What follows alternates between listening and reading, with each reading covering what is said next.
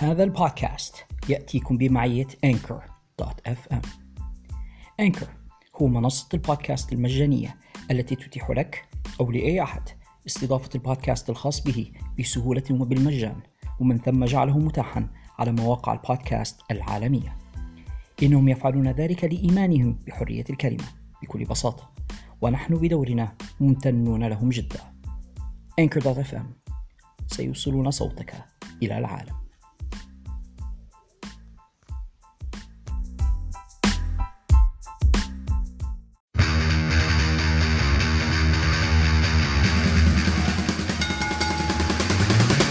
أقوى المواجهات وأكبر النزالات. كلها تجري في مكان واحد في الحلبة. البرنامج الإذاعي الأول في ليبيا والوطن العربي لمصارعة المحترفين وفنون القتال المختلطة. في الحلبة تغطيات تحليلات وأخبار من مختلف الاتحادات حول العالم. الحلبة مع عمر yeah! نور الراب وعلاء الشريف The best there is, the best there was, and that's the bottom line. The Stone Cold said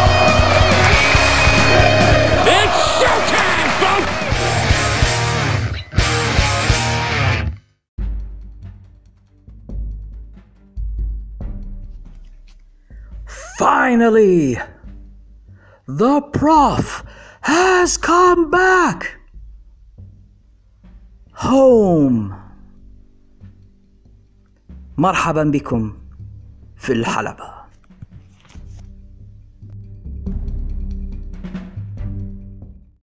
بسم الله الرحمن الرحيم.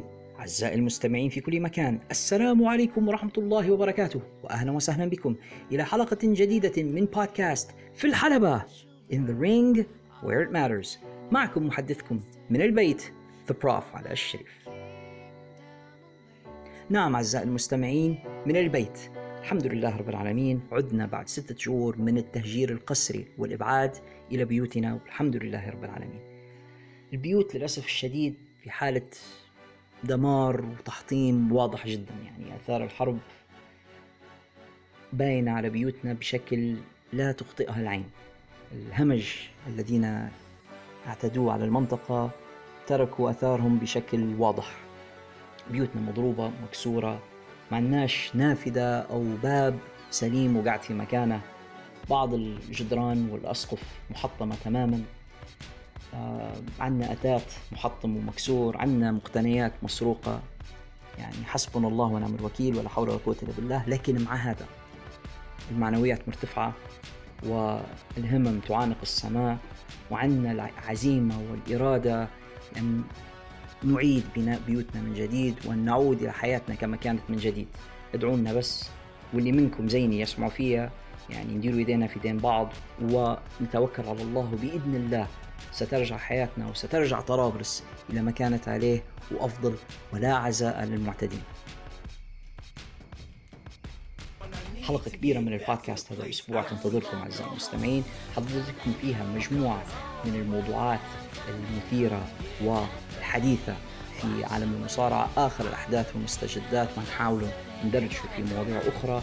بس قبل ما نبدو خلينا نرحب بجميع اللي يستمعوا إلينا سواء عبر قناتنا على اليوتيوب أو عبر منصاتنا اللي تمكنا من الحصول عليها مع Anchor اللي ديما نشكرها على مساعدتها لينا في الوصول إلى أبعد مدى. فنرحب بكم سواء تسمعوا فينا عبر Anchor مباشرة أو تسمعوا فينا عبر Google Podcasts Spotify Spreaker Breaker RadioPublic Pocket Casts player.fm أو أينما كنتم تستمعون إلينا أعزائنا المستمعين. كذلك نبي نرحب ببعض أصدقائنا المميزين زي هدية الأحجل زي محمد عبد السلام زي محمد علاء الدين العزابي.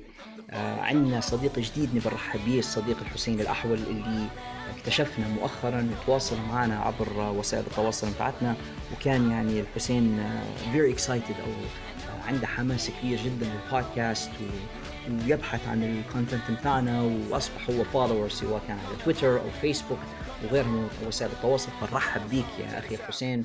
وان شاء الله تلقى معنا ما يسرك. عنا صديقنا جهاد قدوره حتى هو نوجه له التحيه من هذا المكان. عنا صديقنا المشاغب يعرف علاش قلت له هيك أشرف الفرجاني حتى هو بنرحب به كل صديق من أصدقاء البرامج البرنامج اللي معانا نرحب بكم فردا فردا. وأنت كذلك عزيزي المستمع اللي ما سميتش اسمك انشط معنا شوية بس في وسائل التواصل. خلينا نشوف مساهمتك سواء في ال group بتاع الفيسبوك. أو في الصفحة بتاعتنا الرئيسية أو على تويتر أو أي طريقة كانت تواصل فيها معنا بحيث اننا نبدا نعرفك أنت منو ونظبط آه، شخصيتك بحيث ان نقدر نحييك على الهواء. ممكن حتى نفكر لك في nickname أو اسم مميز ليك تصبح حتى أنت معنا عضو من أسرة في الحلقة. أوكي.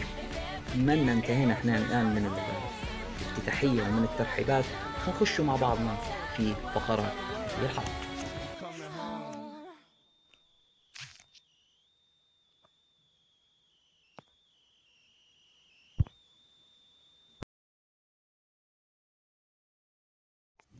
The greatest wrestling match ever.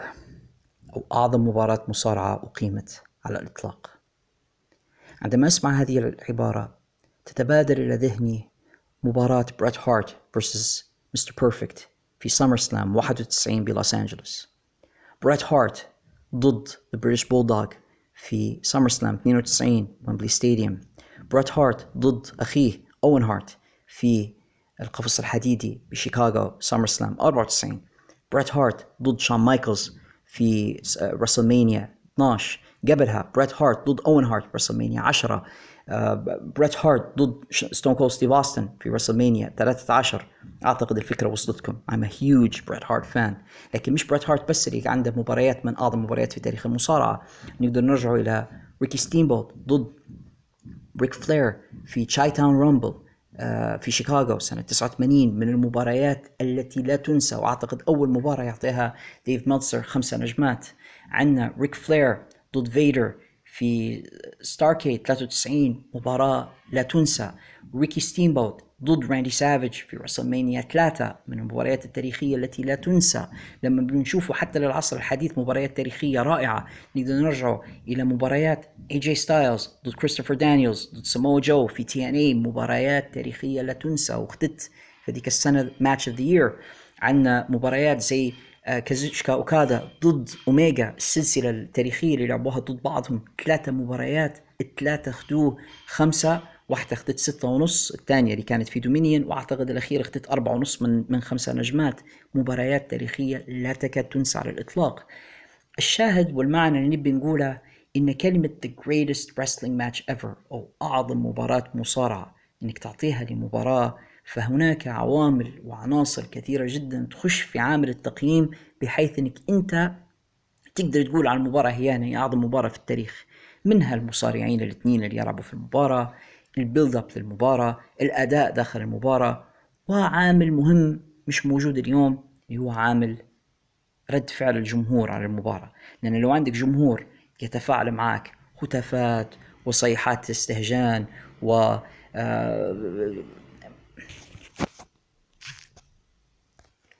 وأهازيج وتصفيق حار. هذا كله يخش يحمس المباراة ويخليها أكبر وأعظم وأعظم. حتى عامل المعلق على فكرة. في مباريات صوت جيم راس على سبيل المثال لما يعطيها هذيك البصمة الأسطورية لما تسمع أنت جيم راس وهو يعلق على المباراة يعطيها حاجة. الحكم لما نشوف يعني حكم المباراة زي الأسطوري آه، تومي يونغ وزي لما نشوفه إيرل هابنر واقف يحكم في المباراة مش زي لما نشوفه حكم مش معروف.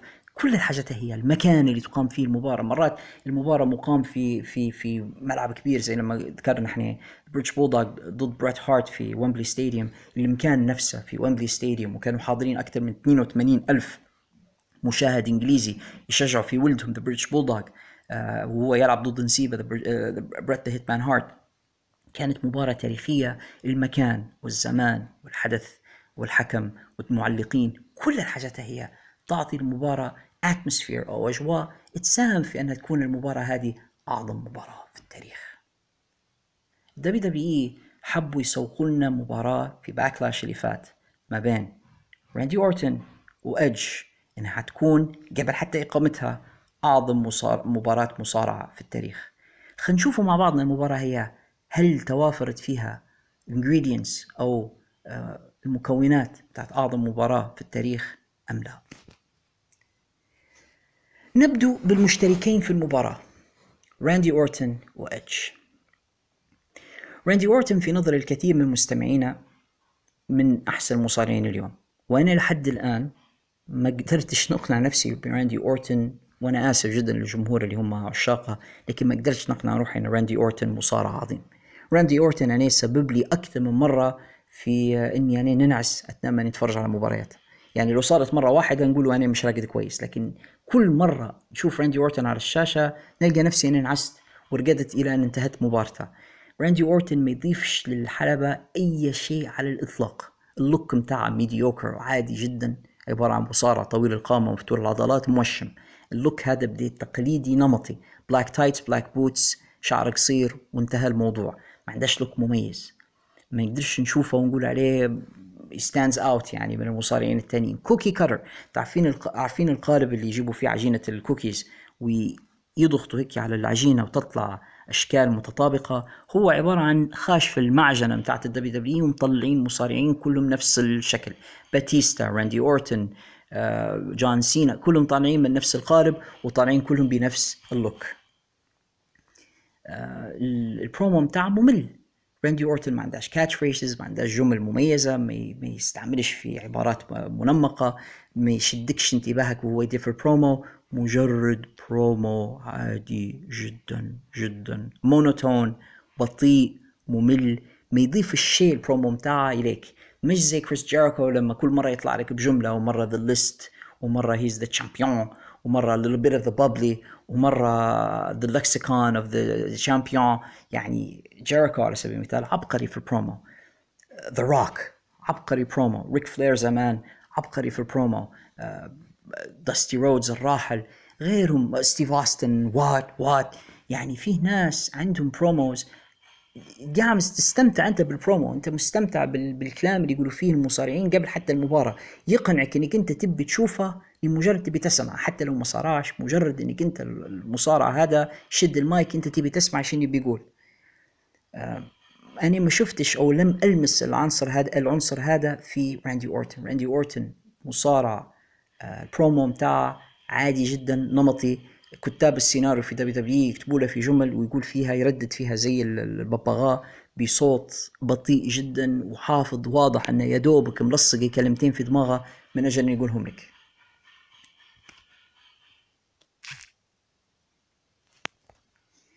ونجو أخيرا لأداء داخل الحلبة. أداء راندي أورتن في الحلبة ممل يا ناس. ممل بطيء. الراجل ما يديرش في أي flashy moves أي حركات مخاطرة أي حاجات مذهلة. ما يفاجئنيش في الحلبة ب style تقني فني زي بريت هارت زمان. ما عندهاش ال high flying style أو الأسلوب الطائر الأكروباتي اللي كان يمتاز به اي جي ستايلز ما عندهاش مهارات أرضية حلوة زي دانيال براين أو كريت انجل لما كان يصارع. ما نشوفه في شيء مع راندي أورتن. راندي أورتن بطيء he won't risk. هو نفسه قايلها أنا لن أجازف في الحلبة. قال أنا نبي تكون عندي حياة عملية طويلة ومش حندير أي حاجة مخاطرة داخل الحلبة. وهو يطبق هذا. راندي أورتن كسر إيده مرة وأصيب بإصابة في كسر في اليد لمجرد ال taunt اللي يدير فيه لما يضرب في الأرض الحلبة قبل ما يدير ال RKO بتاعه. ما شفتلاش أي شيء. ما نقدرش نقارن راندي أورتن داخل الحلبة بمصارعين زي كيني اوميجا اي جي ستايلز دانيال براين سي ام بانك list goes on and on and on. راندي أورتن مصارع نمطي تقليدي بطيء. واللي عنده غير هيك حاولوا في رسائل الصفحة أو عبر التعليقات على الحلقة هذه سواء كان في اليوتيوب أو في منصات البودكاست بتاعتنا. اتركوا لي الأسباب اللي تخليكم أنتم تشوفوا راندي أورتن أعظم مصارع في التاريخ. لأني أنا شخصيا لم أستطع لمس ذلك. الطرف الثاني من المباراة هو إدج وإدج مصارع كويس. أنا مش حنذم في إدج زي ما ذميت في راندي أورتن. ما نقدرش نحط إدج في نفس مصاف الأساطير اللي ذكرتهم من بكري. يعني إدج ما نحطاش مع ريكي ستيمبوت وبريت هارت ومستر بيرفكت وبريتيش بولدوغ وستيف اوستن وغيرهم من أساطير المصارعة العظماء اللي ظهروا خاصة في عصر الثمانينات والتسعينات. لا إدج, إدج لا يقارن بهؤلاء بحال. هو نفسه ما يقارنش نفسه بهم. حتى مصارعين الجيل اللي اللي كانوا معاه في نفس الفترة ما يقارناش بكيرت أنجل بكريس جيريكو بسيء الذكر كريس بنوا ما نقدرش نقارن ايدج ب إي جي ستايلز بدانيال براين بسماوا جو سي ام بانك. ايدج لا يقارن بهؤلاء. لكن ايدج مش سيء على أي حال. ايدج مصارع كويس في الحلبة مجتهد آه، يحاول إنه يدير مباريات حلوة. شفناه في مباريات كويسة جدا مع جون سينا شفناه مع ميك فولي حتى ذا اندرتيكر عنده مباريات كويسة وعنده خصومات كويسة. البرومو بتاعه جيد. ايدج يجيد ويحسن لعب دور الجود جاي أو ال face يلعب الشرير heel يعني هو منوع ويخلط ويحاول إنه يمزج أساليب ما بين طريقته هو اللي ديما المصارعين اللي بنيتهم زي ايدج الطوال ال lanky شوية عندهم أسلوب معين في المصارعة لكن هو he mixes it up يحاول إنه هو يخلط ما بين الأسلوب البطيء المث...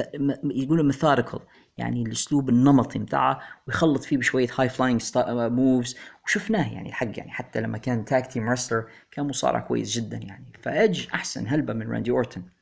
لكن ما يقدروش ننسوا إن ايدج مبتعد عن الحلبة من سنة 2011 ومعتزل ليه تسع سنوات وعائد من إصابة عنق إصابة رقبة. وهذا الموضوع مش بسيط تغلب عليه.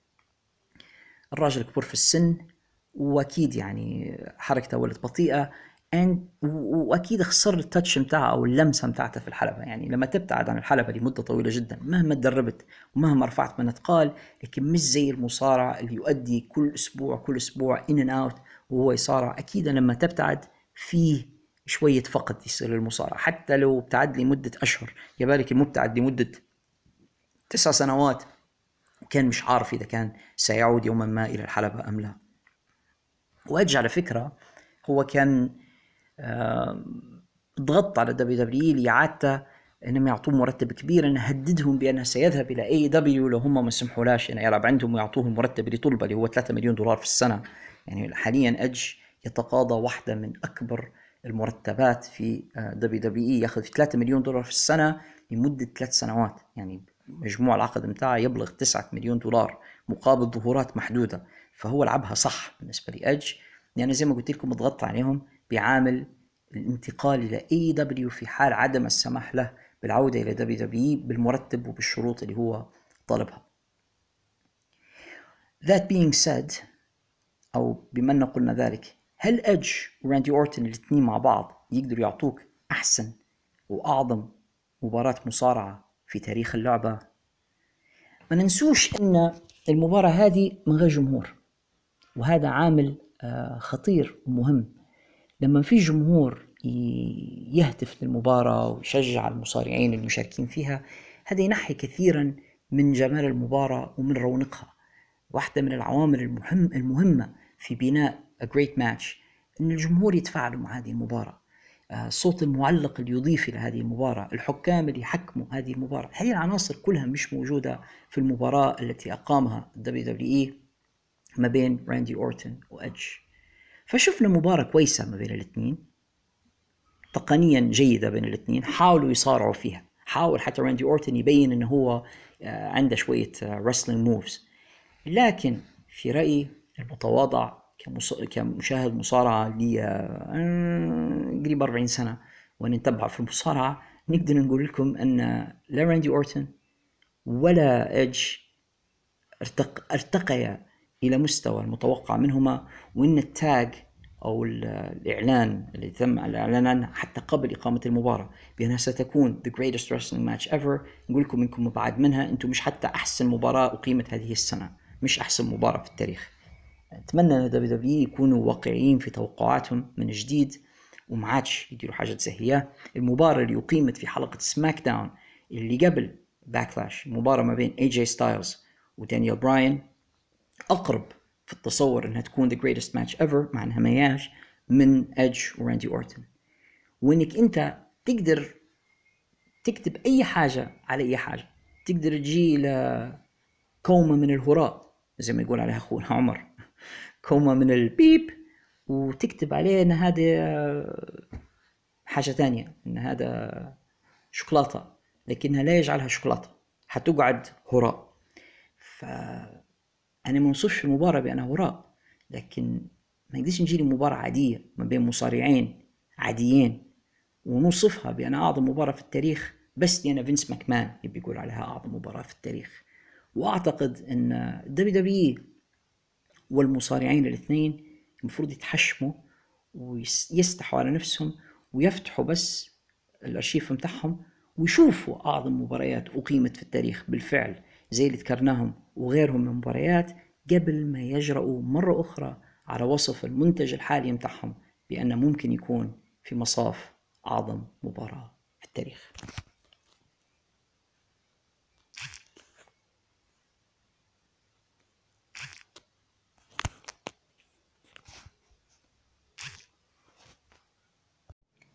كوفيد 19 يفتك باتحاد دبليو دبليو إي. من فترة كنا نقول بأن أزمة وباء كورونا يهدد العالم كله. وشفنا رياضات أخرى كرة قدم كرة سلة وغيرها قاموا بقفل الدوريات متاعتهم وإنهائها أو إيقافها يعني خوفا على الجمهور وخوفا على الرياضيين والمؤدين.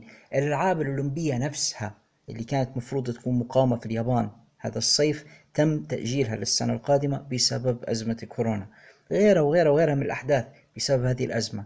إلا فينس ماكمان من دون العالمين قرر بأنه هو حيستمر. وبسبب استمرار فينس ماكمان وعناده أنه هو واصل تسجيل وتقديم العروض وحتى أنه عرض WrestleMania وغيرها هذا أجبر حتى اتحادات المصارعة الأخرى إنها تستمر. AEW استمروا وبعدين شوي شوي طلعوا Impact Wrestling من آه، سباتهم وقرروا إنهم يستأنفوا العروض. وقرأنا بأن Ring of Honor أيضا سيبدوا في استئناف العروض وكلها طبعا من غير جمهور. ولكن حتى وإن كان ما في جمهور المصارعون نفسهم والحكام والمصورون والطواقم اللي موجودة كلهم عرضة للإصابة بهذا المرض. يعني ما عندهمش مناعة الفكرة مش بس تعريض الجمهور للمرض ولكن أيضا المؤدين حتى هم لابد ما إحنا نحرصوا عليهم أو نخافوا عليهم. لكن إلا فينس ماكمان فينس ماكمان لا يمكن يحس بأي حد آخر فيما يبدو فأصر إن هو يستمر. وكان الجميع يقول بأنه في حال تعرض أحد إلى الجائحة الاتحاد قد يغلق الآن WWE يتكلموا على أكثر من عشرة أصيبوا بالمرض. عشرة. هذا عدد كبير. من أشهر اللي سمعنا بهم الآن في الأيام الأخيرة المعرضين للإصابة المعلقة السابقة وال interviewer تجري اللقاءات خلف الكواليس ومقدمة البرامج مع اتحاد WWE ريني يونغ زوجة جون موكسلي الحالي في AEW ريني يونغ أعلنت إصابتها بمرض الكوفيد. كذلك ال backstage interviewer وأيضا مذيعة اللقاءات كايلا براكستون أعلنت بأنها أصيبت بكورونا. سمعنا بأن عدد من المصارعين أصيبوا ولو أن WWE قاعدين يعاملوا في الموضوع هذا بحذر.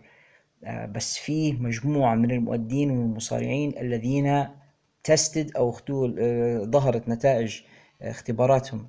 للمرض هذا ظهرت موجبة للأسف وبالتالي في عندنا الآن عدد من الحالات المؤكدة المؤكدة الإصابة. سمعنا بأن النجم كيفن أوينز WWE مصرين يسموه كيفن أوينز هو بالنسبة لي أنا كيفن ستين طلب العودة إلى أسرته خوفا من الإصابة. كان قبله رومان رينز آه، توقف عن الظهور مع WWE أيضا خوفا على نفسه من الإصابة. رومان رينز بالذات حالته خاصة جدا لأن رومان كشخص متعافي من مرض السرطان عافانا الله وإياكم. آه، ياخذ في أدوية وعلاجات. تجعل مقاومته وجهازه المناعي أضعف من غيره. Compromised ال immune system بتاعه أو جهازه المناعي أصبح ضعيف بسبب العلاجات اللي ياخذ فيها للتعافي من السرطان. فرومان رينز آه، بين هذا العذر الطبي للمسؤولين في WWE وقال لهم أنا راني عرضة أكثر من غيري للإصابة بالمرض وطلب أنه هو يتم إعفائه من الظهور. الآن مع خبر انتشار المرض وسط المصارعين عدد كبير منهم تركوا فلوريدا حيث يتم تسجيل الحلقات وعادوا إلى بيوتهم. خلاص قرروا أنهم ما عادش يقعدوا. هذا حيأثر على WWE الذي اضطر إلى تأجيل آه، تسجيل حلقة Raw لأنه هو مؤخرا بدوا يسجلوا في الحلقات. مجموعة كبيرة من المصارعين سيبوا. ال pay-per-view القادم أصبح في حكم المجهول. مش معروف شو ممكن WWE يفعل الآن. فينس ماكمان الذي لا يختلف في عقليته عن الرئيس الأمريكي الحالي دونالد ترامب كان رافض فكرة انه يدخل جمهور للحلبة يكونوا لابسين أقنعة. لأن الفكرة هذه طرحت كانت انه يجوا جمهور ولكن يكونوا لابسين الأقنعة الواقية من المرض ويكونوا موجودين في الحضور. فهو رفض انه يكون في جمهور لابس أقنعة وقال بأن هذا حيجعلنا نظهر بمظهر الضعف ما يبيش الأقنعة. فاوكي أنت ما تبيش الأقنعة معناته انت ما تبيش الجمهور انك مش معقولة بتجيب جمهور آه، مش لابس أقنعة. فأنت لا تبي تحمي جمهورك ولا تبي تحمي مصارعينك ولا تبي تحمي حتى نفسك. يعني تتخيلوا الفترة اللي فاتت جابوا ريك فلير اللي عمره فوق 72 سنة وجابوه للحلبة باش يشارك في ال angle اللي صار ما بين أو القصة. اللي صارت ما بين راندي اورتن وكريستيان جابوا راندي اورتن جابوا ريك فلير العجوز باش يكون عضو في أو مشارك في القصة هذه. وريك فلير بحكم من السن عرضة أكثر من غيره للإصابة بالمرض. وريك فلير إحنا نعرفه تاريخه من من المشاكل الصحية وبس من أقل من سنتين كان في مستشفى يصارع الموت يعني. كان على وشك أنه هو يرحل عن الدنيا بسبب المرض اللي أصيب به. فكيف إحنا نعرضه ناس كبار في السن نعرضه نساء نعرض أطفال إلى الإصابة بهذا المرض بهذا الاستهتار فقط لأن فينس ماكمان مؤمن إيمان راسخ بمبدأ the show must go on والمشكلة أن العروض خلال الأشهر الأخيرة هذه كلها اللي من غير جمهور بالفعل unwatchable زي ما قال عليها سي إم بانك. العروض أصبحت صعبة المشاهدة إن كان يعني يمكن مشاهدتها أصلا. آه، العرض بدون جمهور كالطعام بدون ملح. قلناها في حلقات سابقة من البودكاست. الجمهور هم اللي يضيفوا العمق ويضيفوا الألوان ويضيفوا النكهة للعرض. لأن المصارعين يعني في نوع من المصارعين يقولوا we play it by the ear أو يعتمدوا على رد فعل الجمهور لكي يقدموا الأداء متاعهم كل ما كانت الهتافات أعلى وكل ما كان في رد فعل أقوى كل ما هم يعرفوا يعطوا. لكن أنت تأدي لكراسي فارغة الآن. كراسي خالية آه، مباني خالية. مع أن بعض الاتحادات يحاولوا يتحايلوا على الموضوع هذا تقنيا زي ما إحنا تكلمنا يضلموا القاعة أو يقووا الأضواء أو يقربوا الكاميرا من الشاشه من الحلبة بحيث إنك أنت ما تشوفش القاعه الفاضية ايا ما كانت الطرق. أو يجيبوا مجموعة من المصارعين يحيطوهم بالحلقة أو بالحلبة بحيث إنهم هم يديروا دوشة ويحسوك شوية إن في جمهور. كل الطرق هي مهما كانت لا تغني ولا تسمن من جوع قدام لما تقارن بعرض مقام أمام عشرات آلاف الجماهير اللي تهتف بحماس وتشجع أو تهتف باستنكار لما هي اللي يدير حاجة ما يعني ما فيش حاجة زيها. فمش عارف.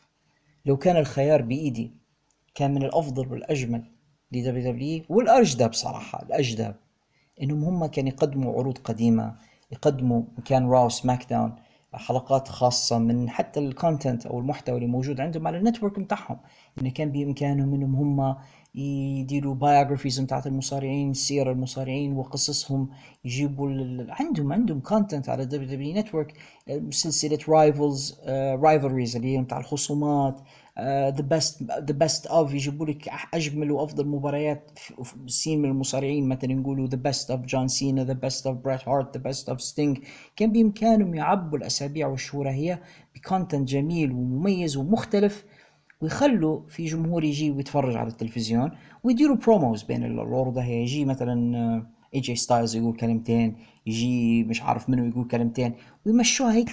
لكن كون انهم هم يصوروا عروض وأسبوعية وكل أسبوع وبيبر فيوز يعني إلا ما كان يصير الشيء هذا وأي حد ما كانش متوقعها سامحني معناها أحمق أو جهل يعني كان لازم حد يصاب الظروف اللي موجودة في أمريكا. أمريكا أكثر دولة تأثرا بجائحة كورونا.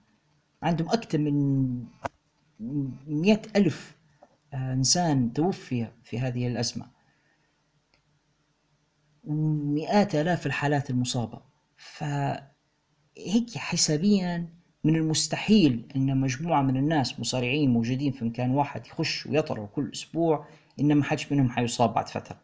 خاصة مع المصارعة. المصارعة ما تقدرش تدير فيه ما تقدرش تدير فيها تباعد اجتماعي. هذه مصارعة اثنين يتفاتلوا اثنين يمسوا في بعضهم داخل الحلبة. ما تقدرش توقف على بعد 2 متر من المصارعة الثانية وتصارع. ف أنا الآن مش عارف شنو اللي ممكن يصير على أثر هذا. هل ال WWE حيسكروا؟ هل حيستمروا؟ إحنا ما ننسوش إن فينس ماكمان وضعه دونالد ترامب في اللجنة المصغرة اللي مهمتها إعادة افتتاح أمريكا بعد انتهاء الجائحة. وإن فينس ماكمان قام حاكم ولاية فلوريدا باعتبار دبليو دبليو إي ان essential business أو واحدة من الأعمال الضرورية اللي لازم تكون مفتوحة أعطاهم استثناء من من القفل. يعني أمريكا كلها مسكرة وتم استثناء المحلات المواد الغذائية والصيدليات وبعض الحاجات الأساسية ودبليو دبليو تخيلوا اعتبروا دبليو دبليو essential في فلوريدا إنها لازم تقعد مفتوحة. في أفلام سينمائية كبيرة تم إيقاف تصويرها أثناء الجائحة. دوري ال NBA الكبير اللي فيه مليارات تم إيقافه. ولكن WWE essential في فلوريدا وهو ال essentiality هذه أدت بأن مجموعة من المصارعين والمصارعات مصابون بالمرض هو ولا قدر الله لو استمر إهمال فينس ماكمان ربما الجميع سيصاب. أنا أتمنى ك wrestling fan مش wrestling fan أمس ولا ولا أمس ولا أنا wrestling fan all of my life. أتمنى ال WWE لمرة في حياتهم يديروا الحاجة الصح. وإنهم ما يشوفوش لل business ولكن يشوفوا للمصلحة العامة يشوفوا لمصلحة المصارعين والمصارعات ويوقفوا شوية. Stay at home. خلي الناس هي آه، توقي على نفسها. أنت عندك content وعندك مواد تقدر تقدمها للناس بالبلاش حتى لو تعرض old WrestleManias وشني من هنا لين يلقوا حل للجائحة. ما حبكتش إنك أنت تستمر live and show must go on في سبيل أن مصارعينك يمرضوا ولا قدر الله حد تصير له حاجة. وربي يستر. إن شاء الله خير.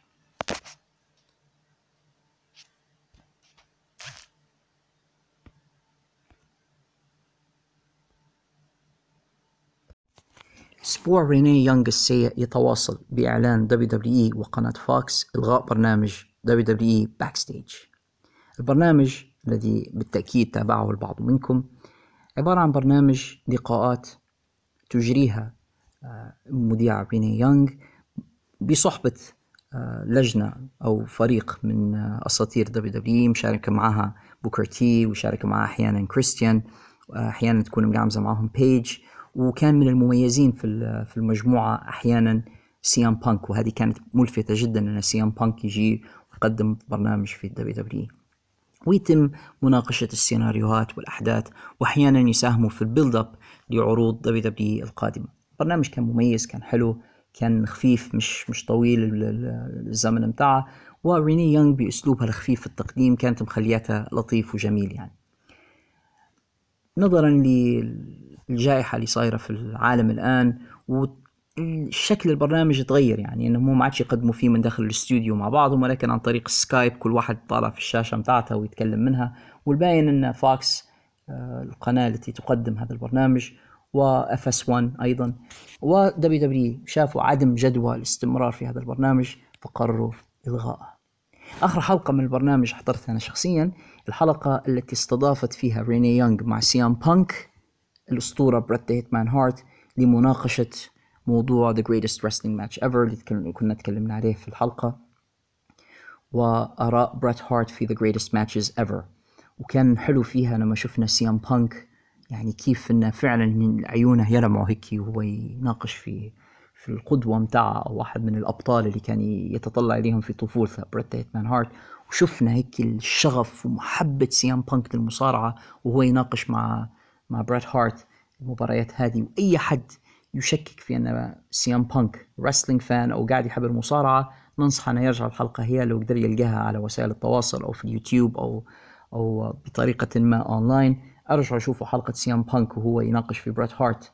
كل واحد عن عبر شاشة في السكايب وشوفوا مدى شغف سي ام بانك بالمصارعة. برنامج كان حلو لطيف آه، مسلي. أنا واحد من الناس كنت أحب نتفرج على برنامج Backstage لأنه يعطيك نظرة مختلفة اللي صاير في أروقة الدبليو دبليو إي بطريقة مختلفة يعني بتعدوا شوية عن ال kayfabe بتعدوا شوية عن ال عن ال الالتزام بالسيناريو ويوروك ما خلف الشخصيات وما خلف القصص والسيناريوهات. واحيانا حتى يتجاوزوا الحديث عن الأمور اللي ما يتكلموش عليها عادة في المصارعة. سي ام بانك بالذات وهو في البرنامج كان صريح جدا ويعبر عن الآراء ربما ال unpopular أو الغير غير محبوبة بالنسبة لمسؤولية دبليو دبليو ولكن سي إم بانك كان يجرؤ يعني يطرحها لأنه هو مش موظف في دبليو دبليو هو موقع مع فوكس لما كان يقدم في البرنامج وليس موظفا في دبليو دبليو فكان يقدر يقول لهم الأشياء اللي بيقولها غصبا عنهم يسمعوها لأن البرنامج برنامجهم ولكن هو يتقاضى مرتبه من فاكس لقاء تقديمه لهذه الحلقات. للأسف الشديد تم إلغاء هذا البرنامج. آه هذا مؤسف. ويخليه مؤسف أكثر أن ريني يونغ اكتشفت إصابتها أيضا بالكورونا.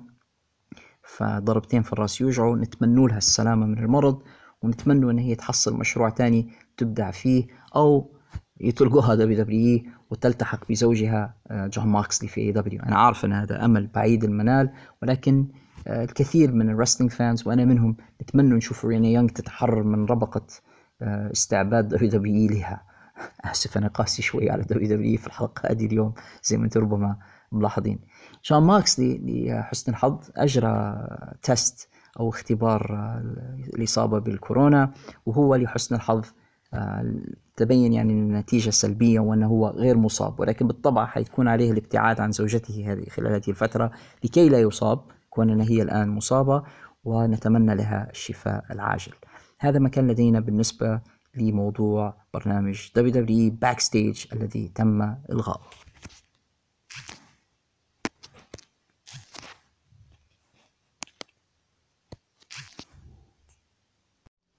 في خطوة مثيرة للجدل قام اتحاد WWE بالإعلان عن إقالة بول هيمن من منصبه كرئيس مسؤول عن عرض را واستبداله ببروس بريتشارد ليصبح بروس بريتشارد هو المسؤول عن كل من عرضي را وسماك داون ليكتفي بول هيمن فقط بدور مؤدي على الشاشة كمدير أعمال لبروك ليزنر.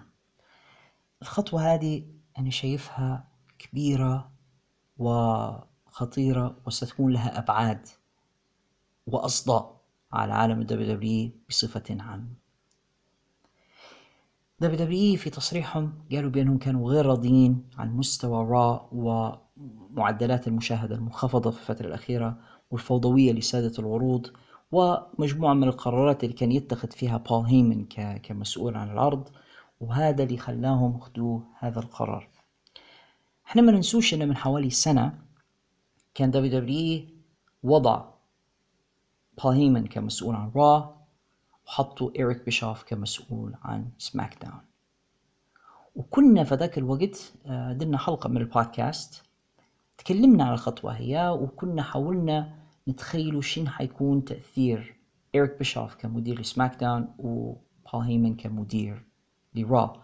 وتبين فيما بعد بأن بيشوف ما قعدش حتى ثلاثة شهور وتم إقالته وتمت إقالته وبيشوف لم يمارس بالفعل مهام وظيفته كمدير لسماك داون بالفعل ما دار شيء مجرد إنهم قابلوا بيه في الأول. عارفين لما مشوا لفوكس باش يوقعوا العقد مع فوكس رفعوا معهم إيريك بيشوف كجبهة عرفت زي لما واحد ماشي بيخطب فيجيب رجل وجيه من العيلة ويقابل بيه. فآه عندنا إيريك بيشوف معانا باش يطمئنوا فوكس ويعطوهم العقد. وبعدين بعد شوية تمت إقالة إيريك بيشوف لأتفه الأسباب. وخلوا معاهم بول هيمن لبعض الوقت وبعدين تم إقالة بول هيمن لما نرجع لتاريخ الرجلين ما ننسوش إن إيريك بيشوف هو اللي كان في فترة من الفترات مسؤول أول عن اتحاد دبليو سي دبليو لما كان دبليو سي دبليو في أوج قمتها وعطائها وهو اللي مش بس كان رئيس دبليو سي دبليو لكن هو اللي كان المسؤول عن سلسلة انتصارات دبليو سي دبليو على دبليو دبليو اف في معدلات المشاهدة لمدة 83 أسبوع متواصلة. دبليو سي دبليو نايترو تتغلب على اف را وهو المسؤول عن نجاح عرض Monday Nitro مش Monday Night Raw Monday Nitro دبليو وهو المسؤول عن قصة دبليو أو فالرجل وإن كنت أنا شخصيا أختلف مع إيريك بيشوف في كثير من الأشياء ولكن ما نقدرش ننسوا بأن إيريك بيشوف كان واحد من أكبر الأسماء المؤثرة في تاريخ لعبة المصارعة كلها.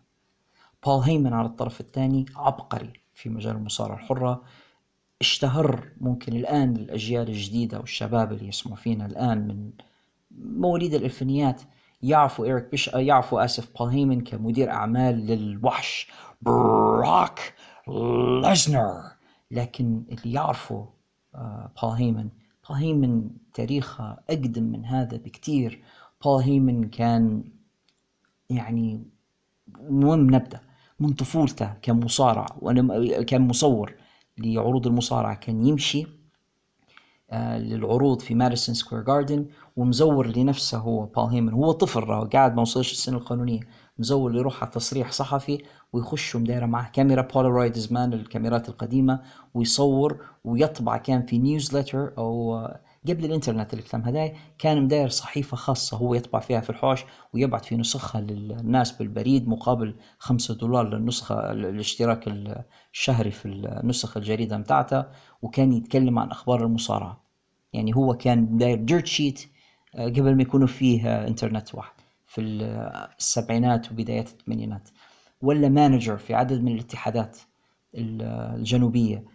انضم إلى دبليو سي دبليو في دبليو سي دبليو كان معلق وكان مدير أعمال لمصارعين ودار stable أو فريق سماه The Dangerous Alliance كان من الفرق الرائعة في المصارعة. ما اخدتش ما شهرتهم بس زي The Four Horsemen أو أو والحاجات هذه لكن The Dangerous Alliance كانت حاجة مش عادية ويكفيكم نقول لكم بس أنا عضو في The Dangerous Alliance كان ستون كولد ستيف أوستن وكانت من بدايات ظهور ستون كولد قبل ما يولي ستون كولد كان قاعد Stunning ستيف أوستن وكان عضو في فريق The Dangerous Alliance بولي بعدين أنشأ اي سي دبليو واي سي دبليو في نظري وفي نظر الجيل الجيل يعني متابعين المصارعة ECW هي اللي غيرت مجرى المصارعة بصفة عامة. بسبب انطلاق اي سي دبليو دبليو دبليو اف ودبليو سي دبليو اضطروا انهم هم يتبنوا قصص واقعية وانهم يسايروا النمط اللي خلقه بول هيمن في ECW اللي هو ال realism و وقصص واقعية وضرب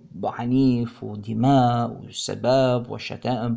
وهو خلق يعني حاجة في المصارعة هي اللي طلعت The Attitude Era. ال Attitude Era كلها طلعت كرد فعل على المزاج اللي خلقه بول هيمن في ECW بعدين انضمامه إلى ال WWE وقصته اللي يعرفوها الناس اليوم مع بول هيمن مع براك ليزنر فبول هيمن مش أي حاجة في المصارعة مش مجرد واحد وخلاص عقلية ودماغ وواحد فهم مصارعة منذ القدم منذ الطفولة المبكرة متاعته. وعنده أفكار. بول هيمن وقف وراء اكتشاف نجوم كتر. يعني تبناهم وقام بدفعهم. أنا ذكرت ستيف أوستن كمثال وأيضا من النجوم اللي هيمن معجب بهم هلبة ودفع بهم هلبة سي ام بانك. يعني لما نقولوا لما نقولوا سي ام بانك لما نقولوا براك ليزنر لما نقول بولي مش مش أي كلام. وعنده أفكار عبقرية وقف وراء قصص ناجحة هلبة في المصارعة. الناس ال purists أو محبي المصارعه ال hardcore اللي زيني يعني. استبشرنا لما سمعنا بول هيمن حيشد Raw وتوقعنا انه ممكن نشوفه شيء مع Raw لكن بولي صاير له زي اللي يسوق في السيارة وفي حد يشد منه في الستيرسو كل شوي. المصريين يقول له الدركسيون آه، فينس مكمان عمره ما سيب لحد السيطرة الكاملة ويتدخل في كل كبيرة وصغيرة ومعظم الهرائيات ما نبيش نقول الكلمة الثانية اللي نشوفه فيها في عروض WWE هي الإضافات اللي يضيفها فينس مكمان وإن كثيرا ما يجيبوا له ترانسكريبت أو يجيبوا له العرض المكتوب. سيناريو العرض فيمزقه قبل العرض ويقولوا عاودوا ما ما نبيش هيك أنا ما نبيش الشيء هذا. ف بولي ما اعتقدش إن كانت عندها السيطرة الكاملة على ال Raw بما يكفي انه هو يقدم لك عروض بعقلية بول هيمن وأعتقد إن لو بول هيمن اختار راحته زي ما كان واخد راحته في ECW كنتوا تشوفوا شيء ثاني المزيج هذا ما بين بول هيمن وسيطرة فينس ماكمان الدكتاتورية هي اللي أدت إن بول هيمن ما قدرش إنه هو يقدم المطلوب منه. واحدة من الأشياء التي عجلت بإسقاط بول هيمن إن كان في خلافات بينه وبين بعض المصارعين خلف الكواليس. واحد من اللي صايرة بينهم وبين بول هيمن مشاكل اي جي ستايلز وأنا من الناس اللي إلى حد ما نقدر نقول إني معجب بإي جي ستايلز ك wrestler لكن ديما نقول فيها واللي يرجع للحلقات السابقة من البودكاست حتسمعوني قايلها أنا أختلف مع إي جي ستايلز في توجهاتها خارج المصارعة. في الحلبة من أحسن المصارعين. خارج الحلبة هو ترامباوي من مشجعي دونالد ترامب. هو جمهوري متطرف. هو مسيحي متطرف. هو آه، يقولوا عليه عنده ميول عنصرية بس هذا ما ثبتتش عليه. وتخيلوا أو لا أيضا هو من الناس اللي غير مؤمنين بكروية الأرض. إيه نعم إي جي ستايلز من الناس المؤمنين بأن الأرض ليست كروية. وشايف بأن الصور هذه اللي ورونا فيها في دروس الجغرافيا وهذا كله كذب وأن الأرض مسطحة ويعني مسكر راس على الموضوع هذا. وتتكلم على بول هيمن اللي هو يهودي من نيويورك real estate عرفت نوعية التجار العقارات hustler ما يقدرش يتفاهم مع هيك redneck من من الجنوب الأمريكي. الاثنين هما ما يجتمعوش. زيت ومية. فعقلية بول هيمن تختلف تماما على عقلية اي جي ستايلز الشمال والجنوب ال Civil War أو الحرب الأهلية تتجدد. وما قدروش الاثنين هما يتفاهموا. وإي جي ستايلز كان غير سعيد بتواجده في را تحت إدارة بول هيمن. وأعتقد أن الخلافات هذه كانت بعض المسامير في نعش بول هيمن كمدير لعرض را وأدى في النهاية إلى استبداله ببروس بريتشارد. بروس بريتشارد آه غريب شوي بريتشارد كان مطرود تماما من WW فترة كان fired أو مطرود آه، بسبب أن فينس ماكمان غضب عليه. بعدين تم إرجاعه.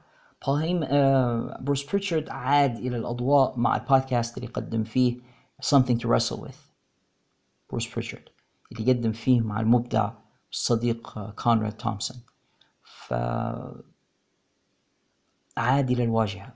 وبودكاست Something to Wrestle with مسلي جدا ويروي فيه وعبره بروس بريتشارد في قصص من تاريخ المصارعة اللي هو حضرها ك producer كشخص منتج خلف الكواليس بالإضافة أنه كان مؤدي أمام الكاميرا في شخصية براذر لاف كان خلف الكواليس هو اللي يخرج ويكتب الكثير من القصص ويقدم في ال vignettes بالذات عرفتوا الفيديوهات اللي يديروها المصارعين لما مصارع يوروك مثلا خلف الكواليس حياته مستر بيرفكت لما يوروكم كيف إنه يمارس في الرياضات المختلفة خلف الكواليس. مش عارف بعضكم ربما ما شافش الحاجات هذه. بس بريتشارد أو مثلا المشاهد الاندرتيكر في المقبرة أو هذه الحاجات كلها كان يصور فيها ويبدع فيها بروس بريتشارد ففي البودكاست يحكي بروس بريتشارد في هذه الحكايات. آه، مع عودته إلى الأضواء بقوة في بودكاست Something to Wrestle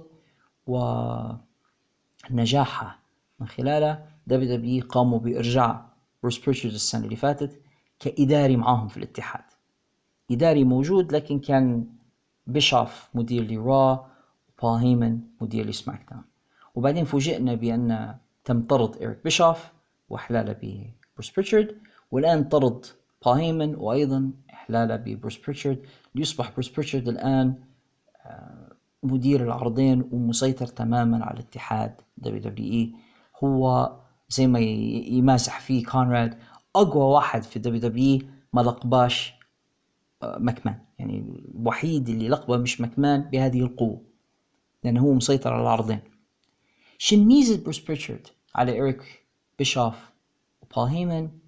بروس بريتشارد فاهم مزاج فينس ماكمان تماما.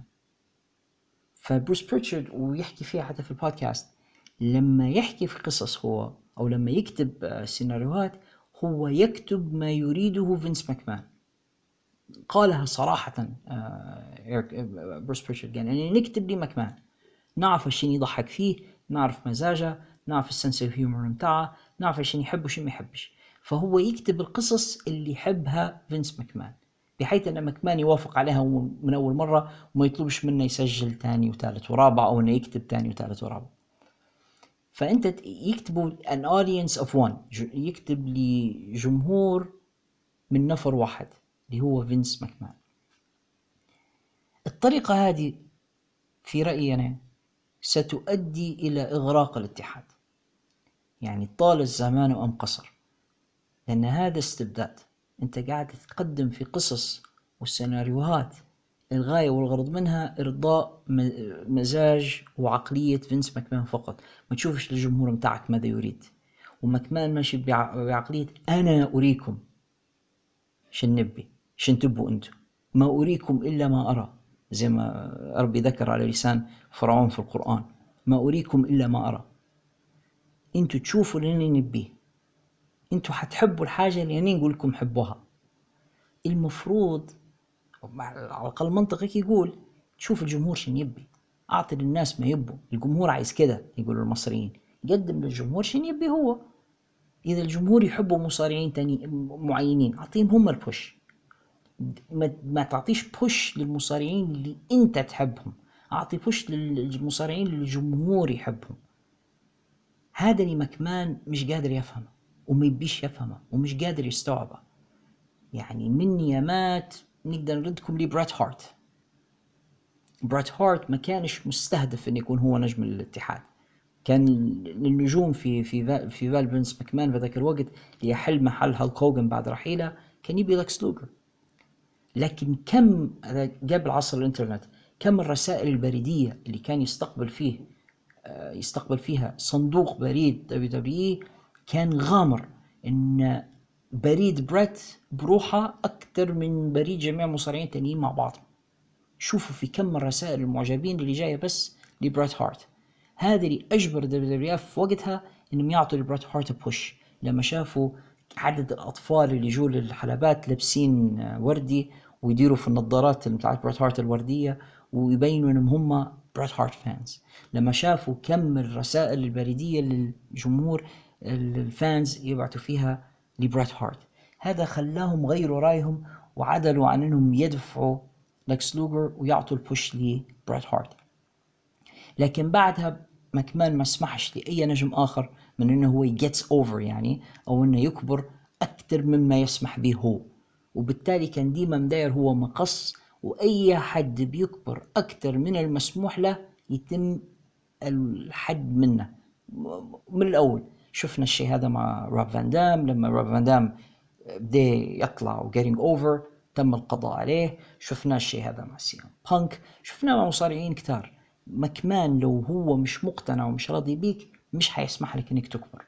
وحيدفع بس المصارعين اللي هو يبيهم. وهذا يردنا الآن لقصة بول هيمن وبروس بريتشارد وشن صاير بروس بريتشارد مش حيدفع بحد مكمان ما يبيش. حيدفع فقط بالعناصر اللي مكمان يحبها ومقتنع بها وحيحرص كل الحرص للإبقاء على وظيفته إنه هو ما يزعلش فينس ماكمان بول هيمن كان مقتنع ببعض المصارعين والمصارعات وكان يحاول يعطيهم ال push لو نعطي مثال بس آه، سيدريك ألكساندر كان واحد من الناس اللي اقتنع به بول هيمن وكان يبي يعطيه push مكمان غير راضي عليه he buried him. وممكن نشوفوا كتار من هذه النوعية ومن هذه النماذج. اللي لو فينس ماكمان مش راضي عليهم لن يسمح لهم بال push هذا. وشاف إن بول هيمن حيدفع بالناس اياه وهو ما يبيش الشيء هذا. فأنا مش عارف وين ماشيين WWE بالضبط بهذه القرارات. ما أعتقدش إن بول هيمن يتحمل وحدة مسؤولية انخفاض المشاهدات. وأعتقد بأن على فينس ماكمان أن ينظر في المرآة ليعرف بالضبط ما سبب انخفاض معدلات المشاهدة في الفترة الأخيرة؟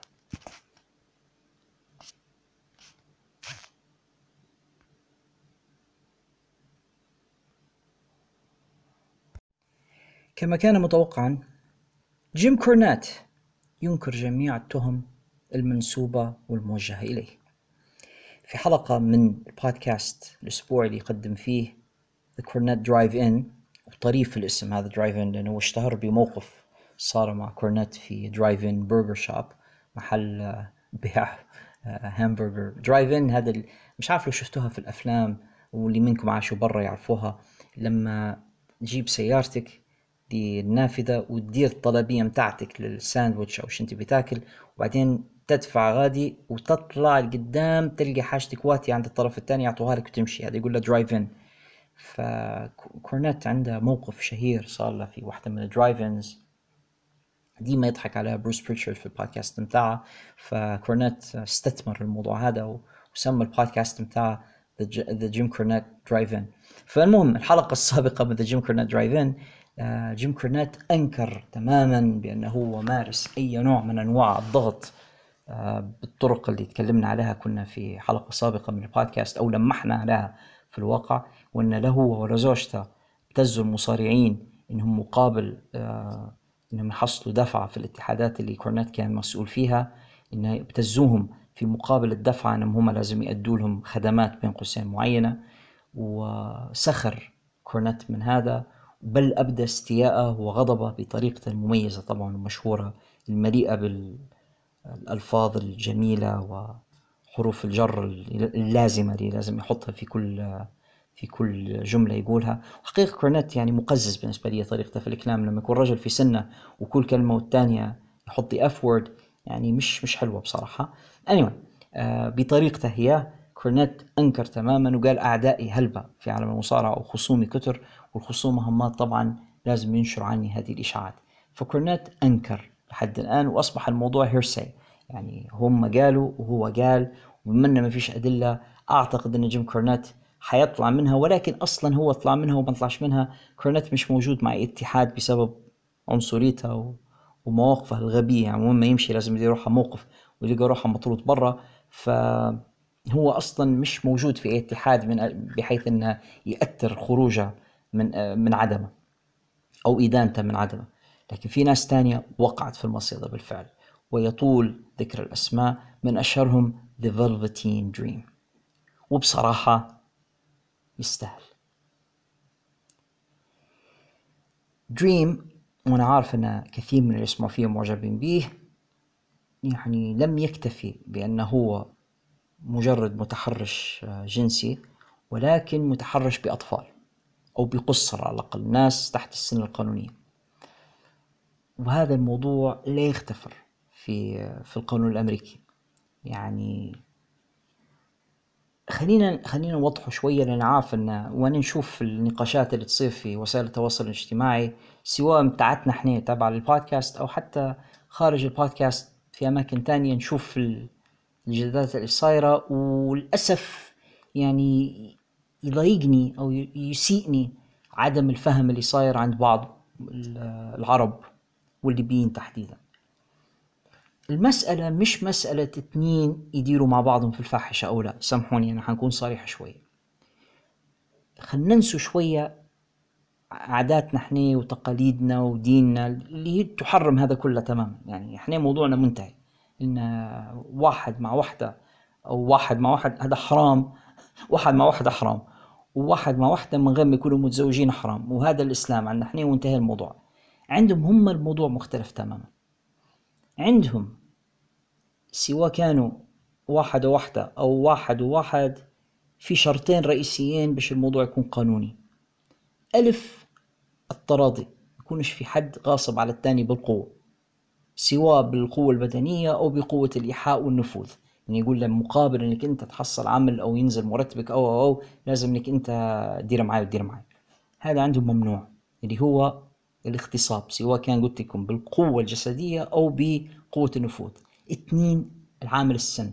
لازم يكونوا الاثنين يقولوا consulting consenting adults. يكونوا شخصان بالغان أو راشدان وراضيان بالتراضي. إذا وجد الش- الشرطين هما ما عادش يدورك حد. دير ما تبي غادي.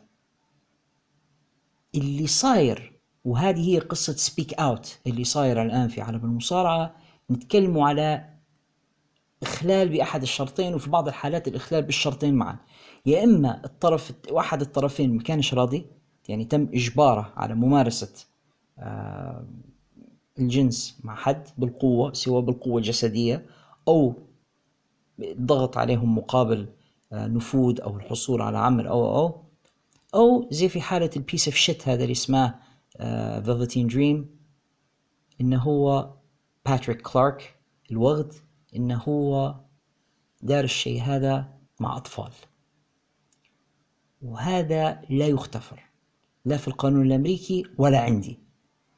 باتريك كلارك piece of shit هذا كان ضحك على مجموعة أطفال قصر تحت السن القانونية وقال لهم إنه هو يقدر يدخلهم في عالم المصارعة لكن في استمرار علاقته بهم تبين بأنه هو يبعث لهم في صور آه، غير لائقة اللي هو صور عريانة لا مؤاخذة وإنه هو يحاول يطلب منهم آه، يبعثوا له صور زيها وإنه هو فاتح معهم علاقة علاقة قذرة في مقابل إنه هو حيدخلهم لعالم ال WWE تو انت مرصقينك إحنا نقوله بالليبي بالتفال أنت أساسا أنت قاعد في NXT وما وصلتش roster وما انتكش اسم كبير وأنا تفكر ال audition بتاعك لما كنت في Tough Enough وتفكر كيف إن هولك هوجن رفضك وما انتكش هذاك النجم الكبير. وهو عبارة عن rip off بس أو سرقة لشخصية جولد داست منو؟ أنت اللي بتدخل ناس لل WWE واحد. انك خلاص وليت نجم وشني؟ نجوميتك طلقاتك على الأطفال طلقاتك على فروخ. بصراحة يعني طردة من ال WWE كان خطوة موفقة ومثالية. وما يهمنيش الناس اللي يقولون انه كان نجم. ما كانش نجم. كان وغد. كان شخص حقير. أنا عادة ما نشتمش المصارعين في البودكاست لكن فعلا يعني وثبتت عليه ما قدرش ينكر الوغد واضطر دبليو يمروا له عقدة ويستاهل. غير من الناس الذين تم تسريحهم زي ما تكلمنا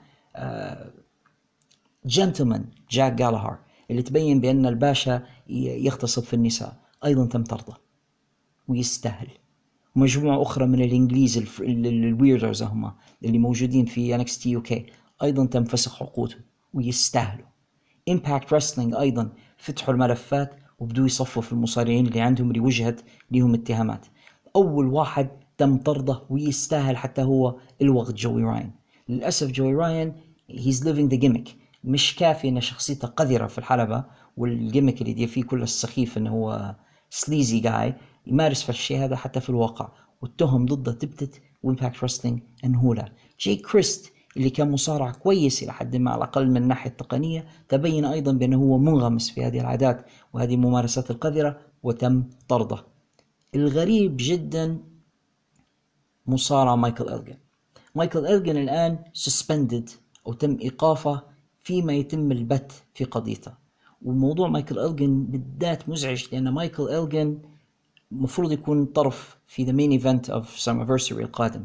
لكن مايكل الجن آه مش موجه له مش موجهت له تهمة التحرش المباشر ولكن موجهت له تهمة ال enabling إنه هو مكن حد إنه هو في فترة اللي كان عنده wrestling school بعض الطالبات اللي كانوا في المدرسة تعرضوا للتحرش واشتكوا من إن الطلبة معاهم موجودين في نفس المدرسة كانوا ضايقوهم وكانوا تعدوا عليهم أو اعتدوا عليهم. وأن حسب التهمة مايكل الجن اللي هو كان المسؤول عن المدرسة كان يعرف ولكن يتعامى عن هذا ما بيش يخسر الطلبة اللي موجودين هم اللي داروا الشيء هذا فتعامى على الموضوع وما تصرفش معهم هذه التهمة الموجهة لمايكل الجن يعني مش هو معتدي ولكن هو مكن المعتدي أعطاه بيئة آمنة يعتدي فيها بدل ما أنه يوفر بيئة آمنة للطلبة اللي يتدربوا عنده. ف مايكل ألجن تم إيقافه suspended آه إلى أن يتم البت في قضيته. من ضمن الناس ال suspended أيضا سامي آه جيفارا من اتحاد AEW للأسف الشديد سامي جيفارا بغباء كان كاتب tweet يحرض فيه على الاغتصاب أو يشجع فيه على الاغتصاب. تم إيقافه عن المصارعة بدون مرتب إلى أن يعني يرعوي يعني ويتعلم من الكلام هذا عيب. وأن هذا كلام فروخ وأنه المفروض ما يقولاش وأنه يتأسف يعني ويتربى. Sick wrestler. This guy is really sick.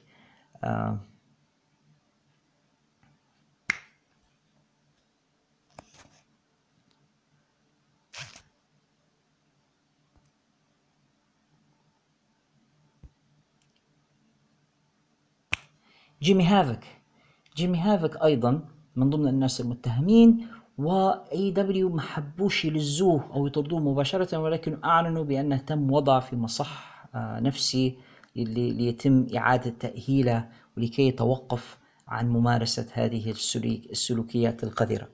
جيمي هافك اللي يسمعوا حلقاتنا السابقة من آه، من بودكاست After the Bell بعد الجرس مع the phenomenal خالد الشريف كان خالد يدير في سكتش يتخيل فيه جيمي هافك يتكلم عن إنه هو هاري بوتر لما كان طفل. Have to listen to it. يعني ترجعوا الحلقات القديمة من After the Bell حتشوفوا السكتش اللي داره خالد. ومن ضمنها تخيل خالد بأن جيمي هافك واحد مريض و... ويعتدي على النساء في البين إن خالد كانت عندها شبحه في في جيمي هافك اللي تبين بان حتى هو creep وتم إيقافه حتى هو وملزوز بس ملزوز بأسلوب يعني. أن نهني الاتحادات اللي اخذت خطوات صارمة زي هذه باتجاه الأوغاد الموجودين في صفوفها اللي مارسوا في هذه الأعمال. ونتمنى نشوف المزيد من الخطوات القوية يعني وأن العدالة تطال الجميع. وأنا نسمع من بعض يعني حتى نشوف فيهم في في جروباتنا في وسائل التواصل مستنكرين الموضوع ويقولوا ليش مكبرينها وليش لا لا غلط. مش كل حد يشكي لازم نصدقوه. أنا يعني ضد المبدأ هذا لأن في أكيد في ناس تكذب وأكيد في ناس تدعي وأكيد في ناس تتبلى على أبرياء. وتفتري عليهم وتقول إن فلان اعتدى علي وفلان دالي من أجل إنه يشتهر أو من أجل حتى عنده مشكلة مع المصارع هذا أو حد طلب منهم يديروا هيك باش يدمروا مستقبل المصارع. إحنا عارفين الشيء هذا. لكن في المقابل مش معقولة إن إحنا نتعاملوا مع هذه السلوكيات الخطيرة على أنها عادية. ونقول أن هذا الشيء يصير وأن مجتمعهم منحل وهذا المعتاد. لأنه مش صح. مش صح أن إحنا آه، نصفقوا لأوغاد يمارسوا في العمل. هو قدامنا على الشاشات نشوف فيهم أبطال في الحلبة لكن هم خلف الكواليس عبارة عن وحوش مفترسة يعتدوا على النساء وعلى الأطفال ويستغلوا في في فيهم هم ويستغلوا في إن اني نجم فأنا ممكن أي حاجة نديرها والناس تصفق لي. لا أنا نصفق لك لما تكون بطل في الحقيقة وبطل في الحلبة لما تكون إنسان كويس تستحق مني التشجيع والإشادة. لكن لما تكون وغد وتكون piece of shit زي باتريك كلارك اللي كان مسوي روح هذا Velveteen Dream إذا الشارع يرفعك. ما نبيش نشوفك على الشاشة متاعي ومش راح نشجعك. نهني الاتحادات على الخطوات القوية والجريئة اللي داروها نتمنى أن تستمر الحملة لتنظيف المصارعة من جميع الأوغاد والأوباش وخلوها رياضة نظيفة ومحترمة نستطيع جميعا الاستمتاع بها وحنا مستريحين الضمير وما نحسوش بين إحنا نشوفه في آه، سرخانة للبشر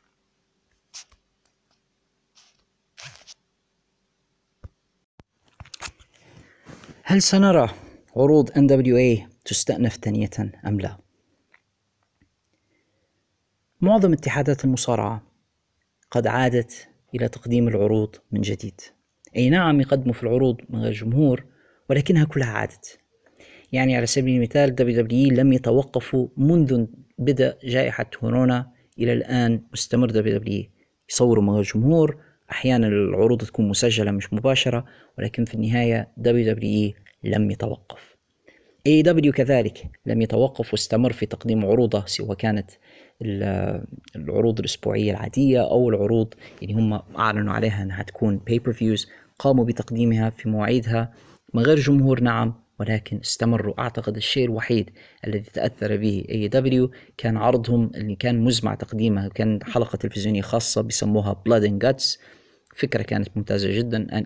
هي كانت تشبه المفروض ال War Games ولكنهم لم يستطيعوا تقديمها بسبب ظروف الجائحة لأنهم بحسب الرؤية أو الفلسفة اللي عند AEW المباراة هذه بالذات يجب أن تقدم في حضور جمهور ومن غير الجمهور ومن غير البيئة هذيك لن يستطيعوا تقديم هذا العرض فآثروا تأجيله إلى إن شاء الله يا رب نوصلوا لحل لهذه الجائحة ونشوفوا نهايتها. ولكن Blood and Guts الحاجة الوحيدة التي قام AEW بتأجيله وباستثناء ذلك AEW استمروا.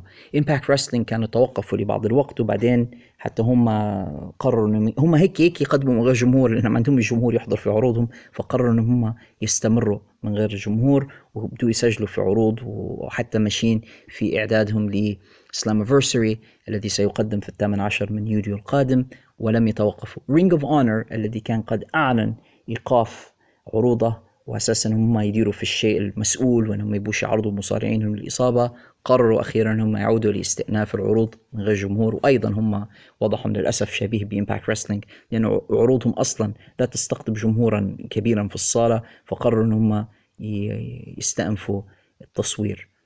New Japan بدأ في العودة إلى تقديم العروض. أيضا حتكون من غير جمهور ولكن New Japan Pro Wrestling عادوا. جميع الاتحادات more عائدة. MLW لم يتوقفوا عن التقديم ولو أن العروض أصلا يعني كانت مسجلة كلها من أسابيع وأشهر سابقة قد يقومون بتقديمها مستمرة على اليوتيوب ولم يتوقف اتحاد MLW بسبب الجائحة بس هم أوقفوا تصوير حلقات جديدة. الاتحاد الوحيد اللي كان أعلن عن توقف عملياته ولم يعد ولم يعلن عن عودته هو The NWA أو نسخة بيلي كورغن من اتحاد الاتحاد القومي للمصارعة الأمريكية فيا ترى شن كان السبب. موضوع The NWA طويل وشائك ومعقد أنا مش حنخوض معاكم الآن في هذه الحلقة في تفاصيل The NWA وتكوينها وتركيبتها وكيف انتقلت من ملاكها القدامى إلى بيلي كورغن الفنان المغني عضو فريق The Smashing Pumpkins اللي كانت عنده طموحات وأحلام أن يكون في عالم المصارعة من زمان.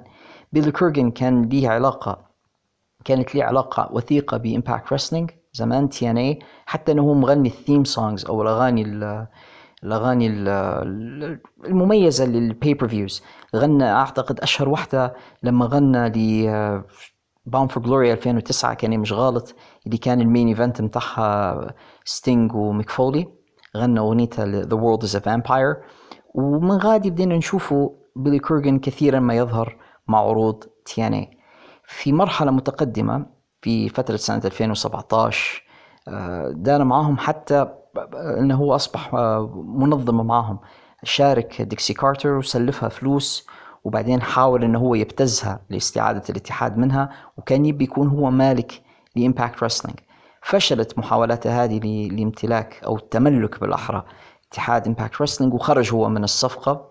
Anthem آه كانوا شروا ديون ديكسي وسددوها عن عنها لبيلي كورجن وبيلي كورجن بيلي كورجن خرج من Impact آه ليشتري فيما بعد حقوق The NWA ومع شرائه ل The NWA بدأ بيلي كورغن في بناء فريق حواليه. لإدارة هذا الاتحاد لأنه هو وإن كان يملك المال وإن كان يملك الشغف بالمصارعة لكن ما يملكش ال history والتاريخ والدراية بإدارة الاتحادات. فقام باستجلاب ديف لاغانا. ديف لاغانا واحد من العقليات المؤثرة في تاريخ في في عالم المصارعة آه، وشفناه كعضو فريق آه، إبداع مع SmackDown زمان ومع NXT و Ring of Honor TNA اشتغل في عدة إمكانات. للأسف ديف لاغانا هو أحد الذين وجهت إليهم التهم في حركة Speak Out وأكثر من آه، من شخص تكلموا عن تجاوزات وإساءات بيلي مش بيلي كورجن ديف لاغانا تجاههم. بعض الأشياء وبعض التفاصيل لا أريد الخوض فيها لأنها بشعة جدا ولكن ديف لاغانا يبدو بأن التهم ضده. جدية وحقيقية فتم تسريحه من اتحاد The NWA إحنا لازم نذكره بأن ديف لاغانا هو العقلية اللي واقفة وراء The NWA بكل الحاجات الكويسة اللي شفناها سواء في عرضهم NWA Powerrr أو في ال pay-per-views أو أو أو كلها هذه أفكار ديف لاغانا خسارتهم لديف لاغانا تفتح الباب على مصراعيها إن من ممكن أن يحل محله ما أعتقدش أن في عقليات كبيرة بما يكفي في السوق بإمكانهم حل هذا المكان. آه، ما نبيش نقترح عليهم أكيد إيريك بيشوف لأن لو جاهم حيغرقهم. وما فيش اتحاد خش لإيريك بيشوف إلا نزل إلى أسفل السافلين وما أعتقدش إنهم يقدروا يجيبوا فينس روسو. وما أعتقدش إن فينس روسو يكون مهتم بالانضمام إلى إلى The NWA أو إن NWA يكونوا مهتمين بضم فينس روسو. فمش عارف شو ممكن يصير ل The NWA مع خسارتهم الآن ل ديف لاغانا العقلية اللي كانت وراء كل شيء. ومع خسارتهم لبعض نجومهم اللي بدوا يتسربوا منهم بالفعل. يعني بطل فئه التلفزيون عندهم ريكي ستاركس افلت منهم والتحق ب AEW بالفعل. بل وشفناه في مباراة مع كودي على بطولة TNT اللي هي television championship في AEW فبدينا نلاحظوا من الآن بأن المصارعين بدوا يقفزون من سفينة The NWA شفت أنا أليسون كي أو أعتقد Sienna اللي يعرفوها من ايامات Impact Wrestling مصارعة في The NWA شفتها واقفة في المجموعة اللي خلف اللي كانوا محيطين بالحلبة في عرض Double or Nothing كانت موجودة ضمن الجمهور الصغير اللي هم كانوا مجموعة مصارعين ومصارعات وعائلاتهم المحيطين بالحلبة. شفنا معاهم أليسن كي. هل أليسن كي وقعت مع ان دبليو اي مع اي دبليو اسف أو لا مش معروف.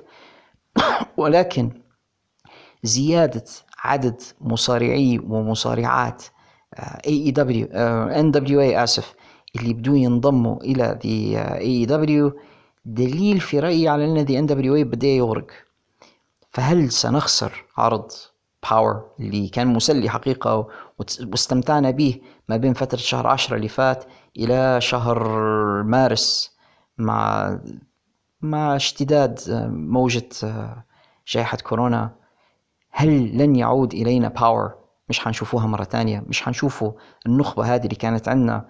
يعني Power شفنا فيها واستمتعنا فيها بأداء نيك ألدس كبطل العالم العصابة اللي شكلها عصابة Strictly uh, Business اللي ذكرتني هلبة بال Four Horsemen شخصية كميل اللي كانت أيضا شخصية مميزة وبدت تاخذ شكل و...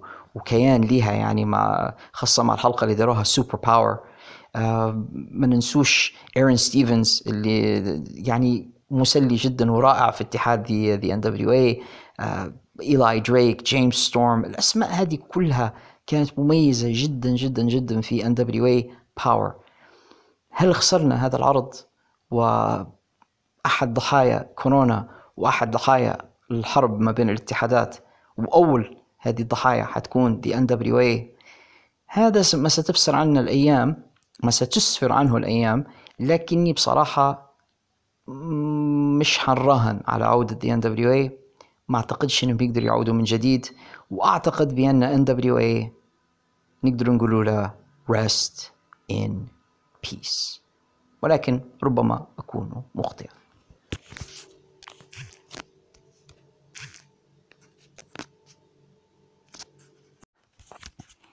في مقطع إعلاني مثير للجدل لمح اتحاد Impact Wrestling إلى عودة عدد من نجومه السابقين إلى صفوفه في عرض Slammiversary المزمع إقامته يوم الثامن عشر من يوليو القادم.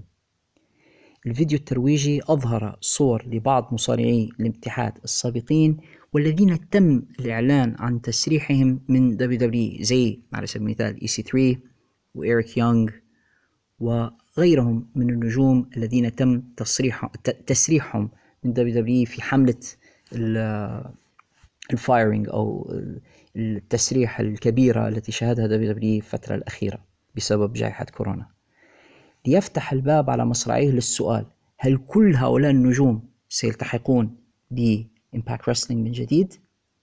الموضوع مثير للجدل وللحيرة فعلا أنا نتوقع إن إيريك يونغ ربما يعود إلى Impact آه، Wrestling لأن صراحة Impact Wrestling كان هو بيتها الأول وكان أول مكان يظهر فيه إيريك يونغ على المسرح العالمي واللي اشتهر منه وبعد خروجه إيريك يونغ من Impact وانضمامه ل WWE اختفى تماما أفل نجمه ولم يعد إيريك يونغ له اي تأثير في عالم المصارعة بالعكس تحول تدريجيا إلى jobber وبعدين حتى وصلنا لمرحلة إن نسينا أنه هو مع WWE إلى أن تم تسريحه.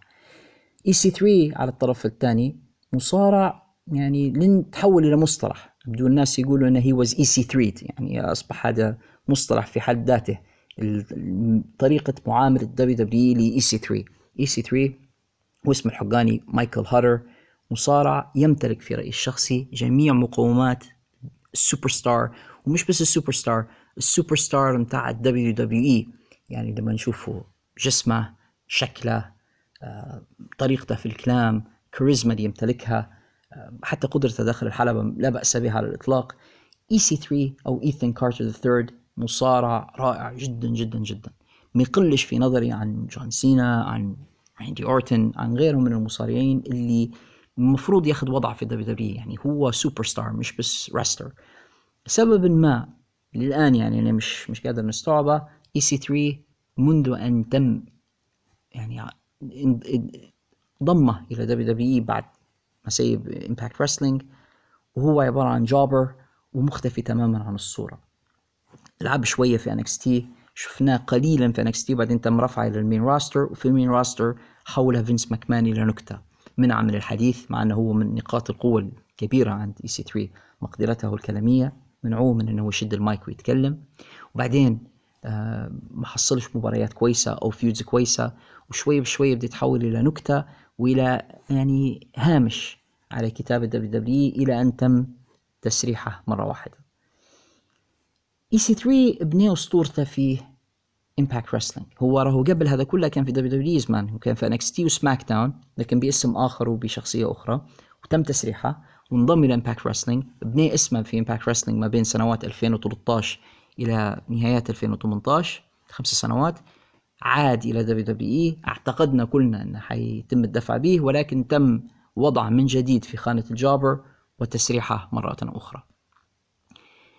لكن Impact Wrestling اللي سيبها ايثن أو EC3 ليست Impact Wrestling التي سوف يعود إليها. Impact Wrestling الآن مثقلة بالمشاكل وبالهموم وبالتقلبات الإدارية وبعدم الثبات. أنا ما أعرفش إذا كان شخص بمكانة ومقدرة وإمكانيات EC3 مناسب للرؤية الحالية اللي في Impact Wrestling ولو كان الخيار لي أو لو كنت أنا المستشار متاعه أو لو كنت أنا شخص إيثن ياخذ كلامه ننصح انه ينضم إلى AEW أنا أعتقد إنه أنسب تماما بشكله وامكانياته هذه إنه يكون هو آه، شخصية رئيسيه في AEW منه إنه هو ينضم إلى اتحاد آه، مضطرب زي زي Impact Wrestling إيريك يانج على الطرف الثاني يكون إنه هو كندي الجنسية والشركة بدت more or less يعني شركة كندية الآن Impact يعني إدارتها إدارة Anthem شركة Anthem للإعلام شركة كندية وهي المالكة ل Impact والمديرين الحاليين سواء كان دون كالس أو سكوت دومور المجموعة هي كلهم كنديين. فالشركة كندية ولاحظنا ميلهم إلى الدفع بمصارعين الكندية الجنسية. فربما إيريك يونغ فرصته في ذلك أكبر من فرصة EC3 سنرى أي منهما أو لو الاثنين حيلتحقوا ب Impact Wrestling من تاني ممكن يلتحق أو من تاني ممكن نشوفوه من النجوم السابقين الذين ربما يعودون. هم لمحوا أيضا إلى براين كيج لكن براين كيج انضم إلى إلى Impact إلى AEW بالفعل. فأنا لا أعتقد إن عقده مع AEW سيسمح له بالظهور في Slammiversary مع Impact Wrestling وحيديروا لروحهم مشاكل كبيرة لو هو ظهر في الاتحادين الاثنين معا يعني. ما أعتقدش إن هذا ممكن أعتقد أن AEW حيستثمروا في شخصية براين كيج ولا أعتقد أنه هو سيعود إلى Impact Wrestling في هذا الوقت. ربما يجي حد من ال legacy wrestlers من المصارعين القدامى للاتحاد ما نستبعدش ابدا عودة واحد زي جيمس ستورم ولو لظهور واحد بس وجيمس ستورم كان من المؤسسين ل Impact في بداياتها من الناس اللي صاروا معهم من البداية. هو حاليا موجود مع the NWA ولكن NWA ظروفها مضطربة جدا ومتلخبطة حتى هم هذه الأيام. إن كل مريض متكي على ميت ما نعرفش إذا كان NWA ما زال يعود إلينا من جديد. نتمنى ذلك. لكن آه، لو جيمس ستورم ذكي أعتقد حيحاول يربط أحباله مع اتحادات أخرى آه، أكثر ثباتا وأكثر استقرارا. من NWA ومن الصعب إنك تقتنع بأن Impact أكثر استقرار من غيرها لكن الزوز وضعهم متضعضع سواء كان NWA أو Impact ربما هو عنده نوع من الأمان في Impact أكثر الله أعلم. سنرى ذلك إذا كان جيمس ستورم حيكون أحد العائدين. ما نستبعدش واحد زي اميزنج ريد كريمزن كل الأسماء هي ولو مش من المسرحين من uh, من WWE لأن ما كانوش غادي أصلا بس هم أعلنوا عن عودة نجومهم القدامى عدد من القدامى سيعودون. ربما يكون بعض الأسماء اللي أنا طرحتها من بينهم. استبعد جدا جيف جاريت ما أعتقدش إن جيف جاريت لأنه هو خلاص موقع حاليا مع WWE واساسا هو مع عنده معاهم legends contract وهو موجود مع فريق الإبداع بتاع NXT فلا فأنا استبعد إنه يكون أحد العائدين إلى إلى Impact Wrestling جيف جاريت وصار إن جيف جاريت هو المؤسس the founding father الأب المؤسس للاتحاد. لكني لا أعتقد إنه سيكون من ضمن العائدين إلى هذا الاتحاد. على أي حال سنرى ماذا يكون في Slammiversary لا سيما وأن ال main event أو المباراة العرض الرئيسي من Slammiversary نفسها خشت في مشاكل مع مع الأخبار المتواردة عن كل من مايكل إلجن اللي تكلمنا عليه في قصة Speak Out وقصتنا التالية تسا بلانشارد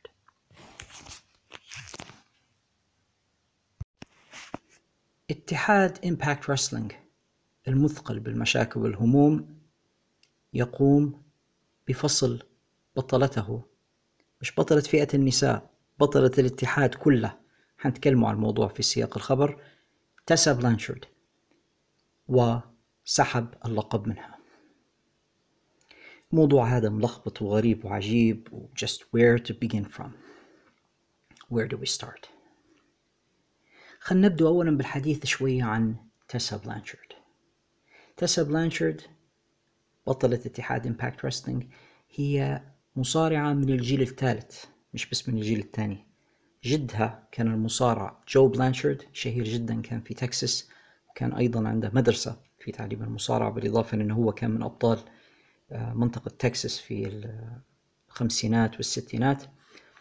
ابنه المصارع تولي بلانشارد. تولي بلانشارد اشتهر بأنه هو أحد أعضاء فريق The Four Horsemen أو الفرسان الأربعة الأصليين ريك فلير أرن أندرسون أولي أندرسون وتولي تولي قاعد معهم حتى في التشكيلة اللي كانت بعدين لما تم استبدال أولي أندرسون ببيري ويندهام وكان قاعد معهم تولي بلانشارد وتولي بلانشارد في رأيي كان أحسن واحد في فريق The Four Horsemen هو أشهرهم واللي كان بارز ريك فلير لكن في رأيي أنا اللي كان عنده heat وكان عنده كراهية هيك مع الجمهور الجمهور يكره حقيقة واحد وكان heel أو شرير بمعنى الكلمة كان تولي بلانشارد كان مصارع غير عادي فنان وتقني مع إنه ما كانش حجمه كبير هلبا لكن كان من من أفضل المصارعين وتخصص في موضوع ال tag team wrestling بالذات ومصارعة الفرق الثنائية وكان انتقل تولي في فترة من الفترات في أواخر الثمانينات هو وأرن أندرسون إلى WWF وقتها داروا فريق اسمه The Brain Busters تحت إدارة بابي هينن يعني بعاد عن عن ال gimmick بتاعهم اللي كان في the NWA The Four Horsemen داروا فريق The Brain Busters في the WWF وبعدين لما عاد فريق The Brain Busters السابق أو بيرجعوا ل The Four Horsemen عاد ارن لكن تولي لم يعد. تولي لأسباب يطول شرحها ما ما ما حبتش WCW وقتها الشركة الجديدة لأن NWA كانت تحولت إلى WCW ولمشاكل خاصة بتولي ما وقعوش معاه وكانت هذه نهاية مسيرته في المصارعة more less يعني لأنه بعدها ما عادش صار منها تولي بلانشارد. ما عادش ولا ل W WCW وما ولاش لل WWF وما عادش سمعنا بتولي بلانشارد كمصارع لكن ضل موجود كشخصية في المصارعة وموجود الآن هو في AEW ك manager لبعض المصارعين. شون سبيرز تحديدا. فمن هي تاسا بلانشارد؟ تاسا هي ابنة تولي اللي تكلمنا عليه من شوية وتاسا يعني خلاف لما يتخيله البعض. معظم الناس يتخيلوا إنهم يسمعوا بمصارع جيل ثاني أو جيل ثالث معناها بالضرورة بوه أو حد من العيلة هو اللي دخله لعالم المصارعة. وهذا يحصل مع البعض لكن ما صارش مع تسا. تسا كان ابوها وأمها انفصلوا عن بعضهم وهي عند أمها وزوج أمها اللي هو أيضا مصارع على فكرة ماجنوم تي اي آه فهي ما كانتش في البداية لها أي علاقة بعالم المصارعة. ما تدربتش على المصارعة وهي صغيرة ما كانتش مهتمة بالمصارعة أصلا. ممكن تستغربوا لو نقول لكم إن هي مجال تخصصها إن هي كانت دارست آه، علوم مسرح وتمثيل وكانت آه، ممثلة مسرحية بالدرجة الأولى. ما كانتش لها أي علاقة بالمصارعة لكن المصارعة لفتت انتباهها وهي في الجامعة وحست أن بإمكانها أن هي تمارس الشيء هذا. فانضمت إلى مدرسة مصارعة من وراء أهلها. أهلها ما كانوش يعرفوا أن هي بادية تتدرب. وحتى الناس اللي قبلوها في المدرسة بتاعت المصارعة في تكساس كانوا يعرفوا إن هذه بنت تالي بلانشارد يحسبوا تشابه أسماء أو هي مدايرة fake name أو اسم مستعار زائف سمي روحها بلانشارد.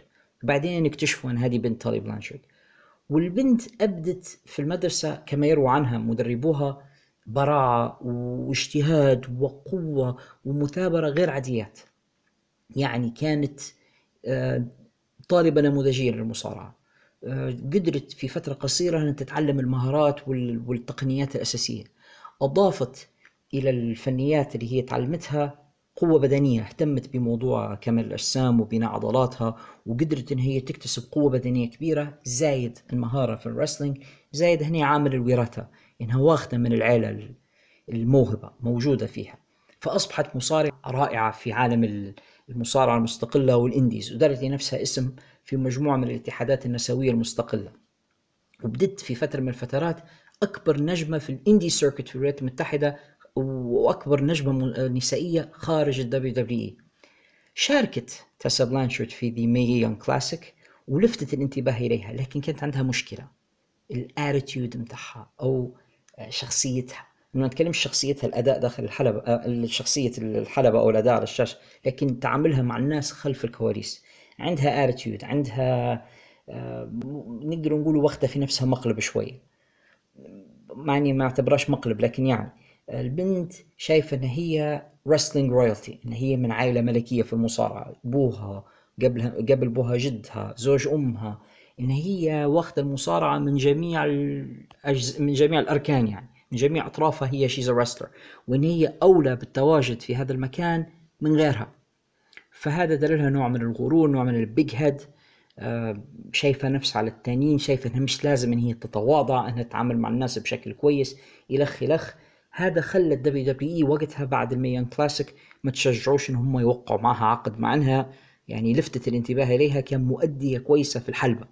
بس ال attitude هذا خرب عليها. اتجهت إلى ال indies وأبدعت فيها. وكان ليها آه، ظهور كبير جدا مع Impact Wrestling اللي وقعوا معها.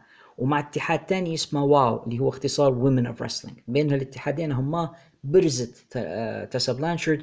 وأعتقد كانت تحاول تبعت رسالة لل WWE مفادها اني أنا كويسة وأنتم حتندموا إنكم ما وقعتوش معي.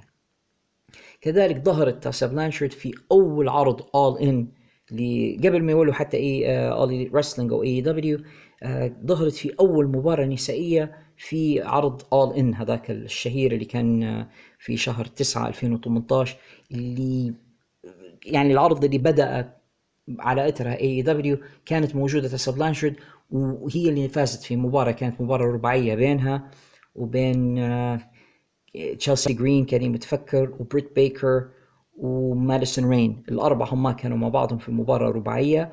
آه، أربعة في مباراة رباعية طبعا. وفازت بها تاسا بلانشارد وكانت لفتت الانتباه إليها بشدة في عرض All آه، In الأول. أنا يعني توقعت شخصيا أن يوقعوا معها All Elite Wrestling بعدها على طول. لكن كانت مرتبطة بعقد طويل المدى مع Impact Wrestling كويس.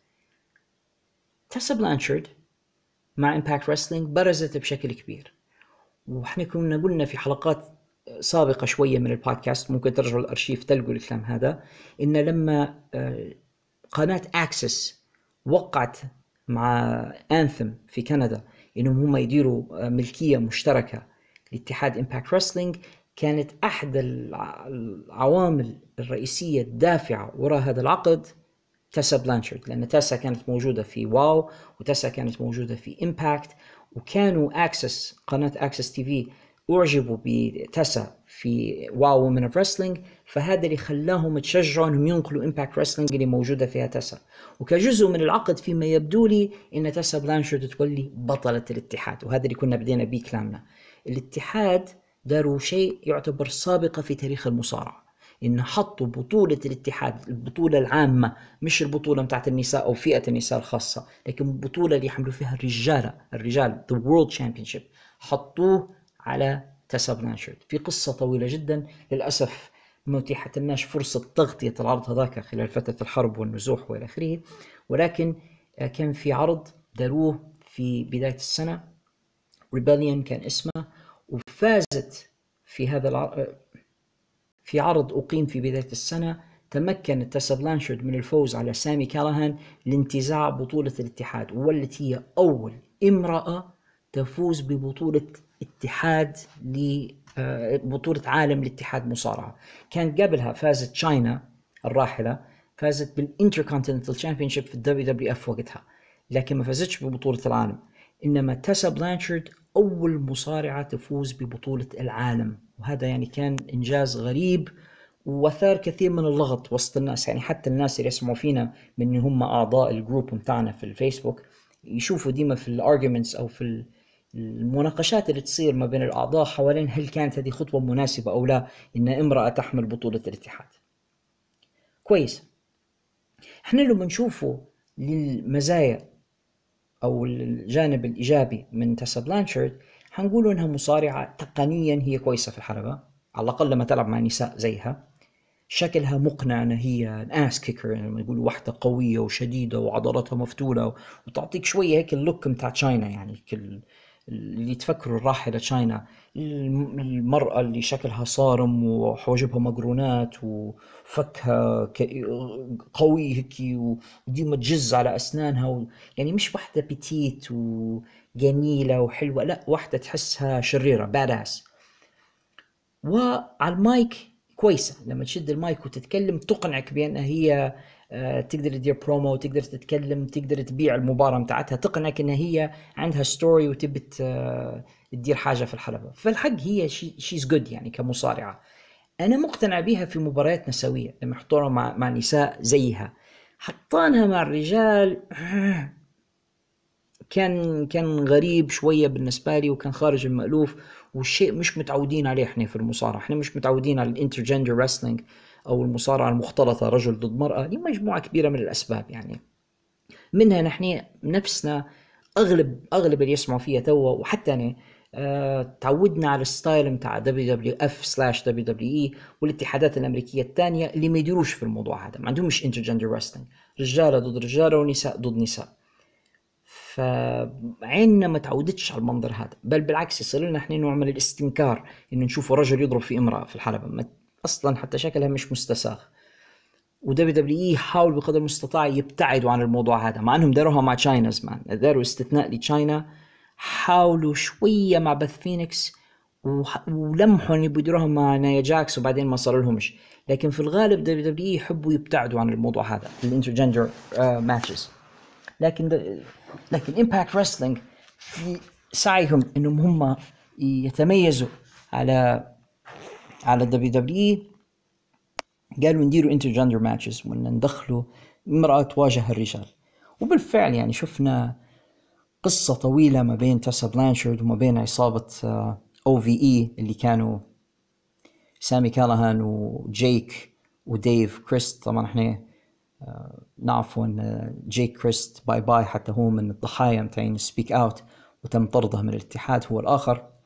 لكن هي قضت سنة قريب كاملة وهي تصارع في المجموعة. هي في build up كبير وضمن الخصوم اللي واجهتهم مواجهه براين كيج العملاق وغلباتا وهذا الموضوع طبعا كان over إن كيف واحدة زي تاسا بلانشارد طولها ما يجيش 100 162 163 كيف تغلب عملاق زي براين كيج؟ الموضوع ما خشليش راسي يعني بصراحة. وصولا إنها لعبت مع سامي كالهان غلبت عليه في مباراة كبيرة لكن مهما كان يعني doesn't make sense إن فتاة تتغلب على رجال. تاسا بلانشارد ولت البطلة.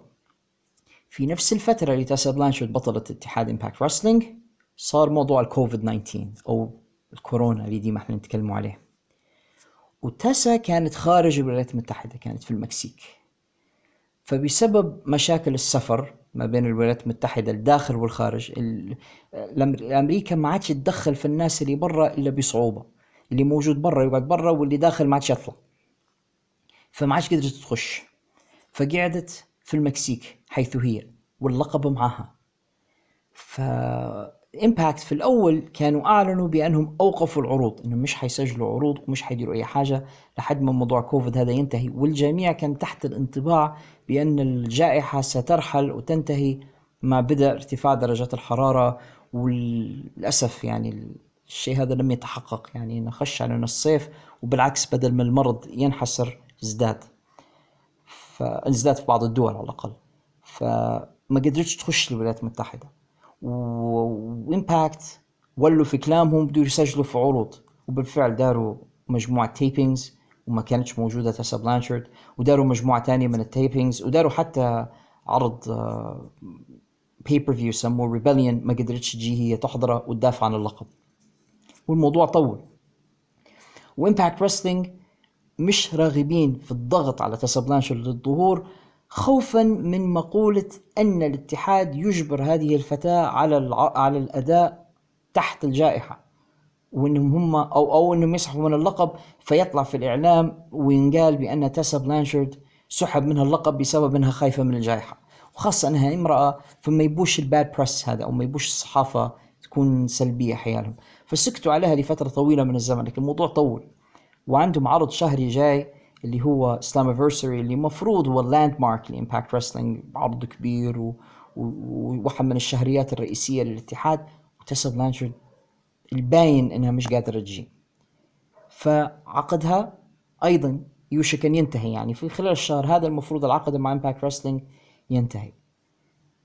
إلى حد أن نفاجأ بالخبر بأنه قد تم إنهاء عقدها وسحب اللقب منها. يعني مش حتكون موجودة في عرض ريبليون هذا يحطنا قدام مجموعة كبيرة من الاحتمالات. واحد هل عقدها انتهى انتهى فهم قرروا آه، ينهوا وهي قررت آسف هي قررت إنها ما تجددش العقد فتم آه، خلاص يعني فسخ العقد ما بيناتهم وسحب اللقب منها وهي مشيت. هذا احتمال. احتمال إنهم بالفعل قاموا بطردها وسحب اللقب منها.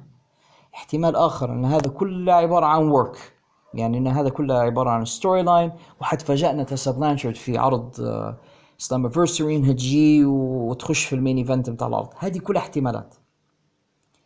لكن لو مشينا مع الاحتمالين الأول والثاني أن سواء عقدها انتهى أو أن هي طردت. هذا يفتح الباب قدام التساؤل. أين ستكون وجهة تسا بلانشارد القادمة؟ تسا بلانشارد من أكبر الأسماء في عالم المصارعة النسوية في العالم اليوم. آه وإنه ما كانش الاسم كبير من قبل ولا كبير أكبر بشكل يعني لا يوصف بعد فوزها ببطولة العالم في اتحاد Impact Wrestling صدرت الأنباء وتكلموا عليها في وسائل الإعلام وولت اسم كبير في المصارعة الآن. ومن هذا المنطلق أعتقد بأن من المنطقي جدا إن الاتحادين الكبيرين في أمريكا اليوم. دبليو واي دبليو يسعوا وراء هذه المصارعة. ولكل منهما أسبابه. بالنسبة لل WWE يهمهم إن اسم كبير زي هذا يكون عندهم وما يكونش في اتحاد آخر. ويهمهم أيضا إنهم ينظموا مباراة ما بينهم وما بين نجمتهم الكبيرة اليوم شارلوت شارلوت فلير واسمها الحقيقي أشلي هي ابنة الأسطورة ريك فلير زي ما ذكرنا من شوية تيسا بلانشارد هي ابنة تولي بلانشارد شارلوت هي ابنة ريك فلير والاثنين كانوا أعضاء في The Four Horsemen ففي already built-in feud أو في ربما قصة إن على الأقل ما بين الاثنين كون الاثنين uh, مصارعتين من الجيل الثاني والثالث في حالة uh, تاسا وفي تاريخ سابق ما بين آبائهما أو أبويهما. ف it makes perfect sense أو منطقي تماما أن الاثنين هما لو تواجهوا يكونوا خصمات. فهذه حاجة. WWE حتكون مشكلتهم ال attitude أو عقلية تاسا بلانشارد اللي حتخليهم يخافوا من التعاقد معها زي ما ذكرنا إحنا من شوية لما قلنا إنها عندها an attitude issue وإنهم ربما يخافوا من هذا زايد إن في تصريحات عنصرية نسبت إليها. وخلينا نركز شوية على كلمة نسبت. ما فيش تسجيل. يعني بصوتها هي وهي تقول في تصريحات عنصرية. ما فيش كتابة ما فيش tweet أو حاجة هي كتبتها في وسائل الإعلام أو, أو الإعلام الاجتماعي ال social media كاتبة فيه بإيدها بأن هي عنصرية. ولكن نسب إليها آه كلام بعض المصارعات الأخريات ذكروه قالوا أو ذكرناه. قالوا بأن تاسا بلانشارد في عرض آه مستقل مرة آه كانت آه دب شجار ما بينها وبين مصارعة من البشرة السمراء وأن قالت لها تاسا بلانشارد في العركة هي كلمة عنصرية. إحنا لازم نذكره بأن تسا من نورث كارولاينا وولايات كارولاينا في أمريكا والجنوب الأمريكي عموما عنده تاريخ من العنصرية. ما نحبش نعمم ولكن العنصرية والريسيزم موجود في الولايات المتحدة وما يزال وإحنا نرى أثر ذلك في المظاهرات اللي نسمع بها الآن في أمريكا هذه الأيام. والجنوب بالذات يعني يشتهر فيه الشيء هذا. لكن تسا نفسها نفت التصريحات هذه قالت أنا ما قلتهاش بل ذهبت إلى أن قالت بأن هي آه، تنبذ العنصريه وتكرهها وترى بأن الناس كلهم زي بعض بل هي كانت في يوم من الأيام صديقة مصارع أسمر يعني هي كانت آه، على علاقة بريكوشي وحاليا هي عندها علاقة مع بل هي مخطوبة للمصارع المكسيكي داغا. فهي قالت يعني كيف أنا نكون عنصرية وأنا حبيت قبل واحد أسمر و... وأنها حاليا هي مخطوبة لواحد مكسيكي. يعني ما نكونش عنصرية أو من البيض العنصريين لو أنا لو أنا هيك يعني. فمش عارف أنا صراحة هل هي فعلا racist أو مجرد hearsay بنات متعاركات معها فقالوا عليها كلام زي هذا. الله أعلم. لكن التصريحات هذه قد تخلي موضوع التعاقد معها مع WWE صعب شوي خاصة في البيئة السياسية الموجودة الآن. AEW على الطرف الثاني وضعهم مختلف شوي. أي نعم التصريحات العنصرية إن صحت حتكون عائق في وجه تسا بلانشارد ويخلي AEW ما يوقعش معاها وإحنا سمعنا بأن مدير اتحاد AEW آه، توني خان قام بحظر هولك هوجن وطليقته زوجته السابقة من عروض AEW انهم يكونوا موجودين حتى في الجمهور مع إنه ما في جمهور الأيام هذه لمجرد إن هوجن زمان كانت ليه تصريحات عنصرية مسجلة ليه وسربت للإعلام ولأن ليندا هوجن السابقة كانت حتى هي آه، في السوشيال ميديا أو في وسائل الإعلام الاجتماعي كتبت كلام ينفهم منه أو يشم منه رائحة العنصرية فتوني خان ك يعني مبالغة في ال wokeness ال wokeness آه، في أمريكا لما تقول I'm woke معناه إنسان يراعي في العنصرية ويراعي في حقوق المرأة وإلى آخره. هذا اللي يقولوا له woke يعني. فهو كمبالغة في ال wokeness قال أنا مش حنسمح لهوجن ولا لليندا إنهم يكونوا في يوم من الايامات لهم اي أي علاقة باتحاد AEW. صح عليك. نقول فيها بالسخرية طبعا. فهل يكونوا woke مع تسا وما يقبلوهاش لمجرد أن بعض المصارعات تكلمنا عنها وقالوا انها هي قالت أشياء نكرتها؟ هذه من جهة. لكن من جهة أخرى من المنطقي جدا إنه يوقعوا معها. علاش؟ والدها غادي. آه، وممكن يديروا قصة رائعة بينها وبين بوها تالي بلانشارد سواء يكون هو manager أو يكون ضدها بطريقة ما. زي القصص اللي صارت ما بين ريك فلير وشارلوت. آه، وجود تاسا في AEW would be a perfect fit يعني أو تركب تماما. حاجة تانية ال roster النسائي أو الطاقم النسائي الموجود حاليا في AEW في رأيي آه، ضحل ويفتقد إلى العمق. طبعا ضحل عكس العميق يعني. آه، ما فيش عمق. والمصارعات اللي في ال women roster بتاع ال AEW مش زي WWE في منهم مصارعات كويسات. بريت بيكر كويسة. آه، كريس ستاتلندر معقولة. لكن بصفة عامة ال roster النسائي بتاع AEW ضعيف ويفتقد إلى نجمة تكون هي المركز اللي يدور عليه باقي الاتحاد. تاسا بلانشارد قد تكون هذه النجمة. لو يحصلوا واحدة زي تاسا بلانشارد يحطوا الحزام عليها ويبدو المصارعات التانيات ضدها وال storylines كلها تتمحور عليها تقدر هي تبني لهم ال women's roster أو القسم النسائي في AEW وترفع للقدام لأن عندها المقدرة هذه. وما ننسوش زي ما كنا ذكرنا في بداية الفقرة هذه إن تاسا بلانشارد كانت قد ظهرت في All In في النسخة الأولى أول عرض يديروه المجموعة هذه قبل ما تولي حتى AEW بل وفازت في أول مباراة نسوية يديروها. فهذا الباين أن ال group هذا كودي ورفقائه معجبين بتاسا بلانشارد ما يكفي أنها تكون عضوة في الاتحاد متاعهم هل يتم ضمها إلى اي دبليو ولا دبليو دبليو اي ما زال مش معروف. أنا شخصيا أرى بأن في احتمال كبير انها تمشي ل AEW وأكاد يعني لو كنت أنا betting man أو لو كنت رجل يراهن مع ان الرهان حرام بس قلت لك لو كنت أنا مراهن أنا مستعد أراهن بالنقود انها حتمشي ل AEW وسيكون ذلك قريب جدا ومش حتمشي لل WWE in the meanwhile ما بين انتقالها إلى أي من الاتحادين أنا لا أستبعد ظهورها في the NWA في حال ما NWA استأنف عروضه من جديد. إحنا تكلمنا على مشاكل تعرض لها اتحاد NWA للأسف وأنا NWA معجب به حتى هو. لكن لو في عروض تسا بلانشارد مناسبة جدا للانضمام ل the NWA لأن آه، ال pedigree متاعها أو تاريخها كابنة لجو بلانشارد ولتالي بلانشارد طبعا جو جدها وتالي بلانشارد إنها تنضم إلى the NWA وتلعب غديكا مع ال roster النسائي اللي موجود عندهم. قد يعني يكون موضوع interesting حتواجهها مشكلة في the NWA سيانا أو أليسون كي اللي هي كانت أطلقت عليها موضوع العنصرية أساسا. أليسون كي هي اللي تصدرت وهي اللي نشرت الإشاعات هي في وسائل التواصل. فهل يجتمعوا الاثنين أليسون كي وتسا بلانشارد في اتحاد NWA it would be interesting. يعني شخصيا نحب نشوف مباراتهم يعني. عندهم already feud في الحياة الحقيقية. لو قدروا ينقلوا ال feud هذا إلى عالم المصارعة حتكون حاجة fun to watch بصراحة يعني.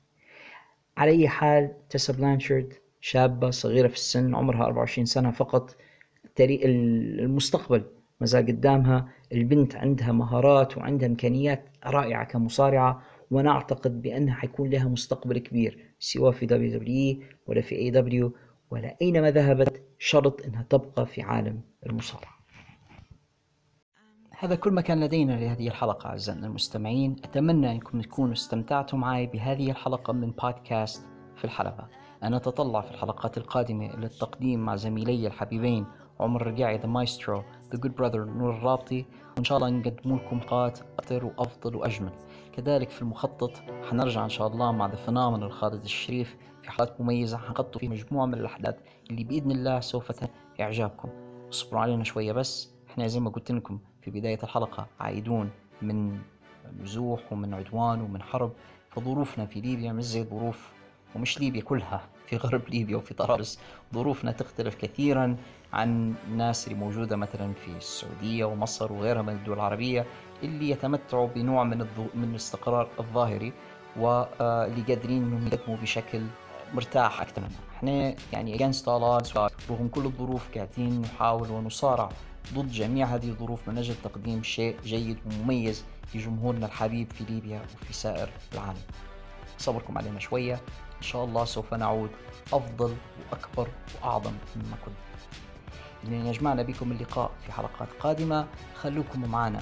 subscribe و share و like لجميع الحلقات اللي تسمعوا فيها. بلغوا أصدقائكم حاولوا أنكم أنتم معنا تساهموا في تكبير جيش في الحلبة. كل الناس اللي تعرفون على البودكاست هذا.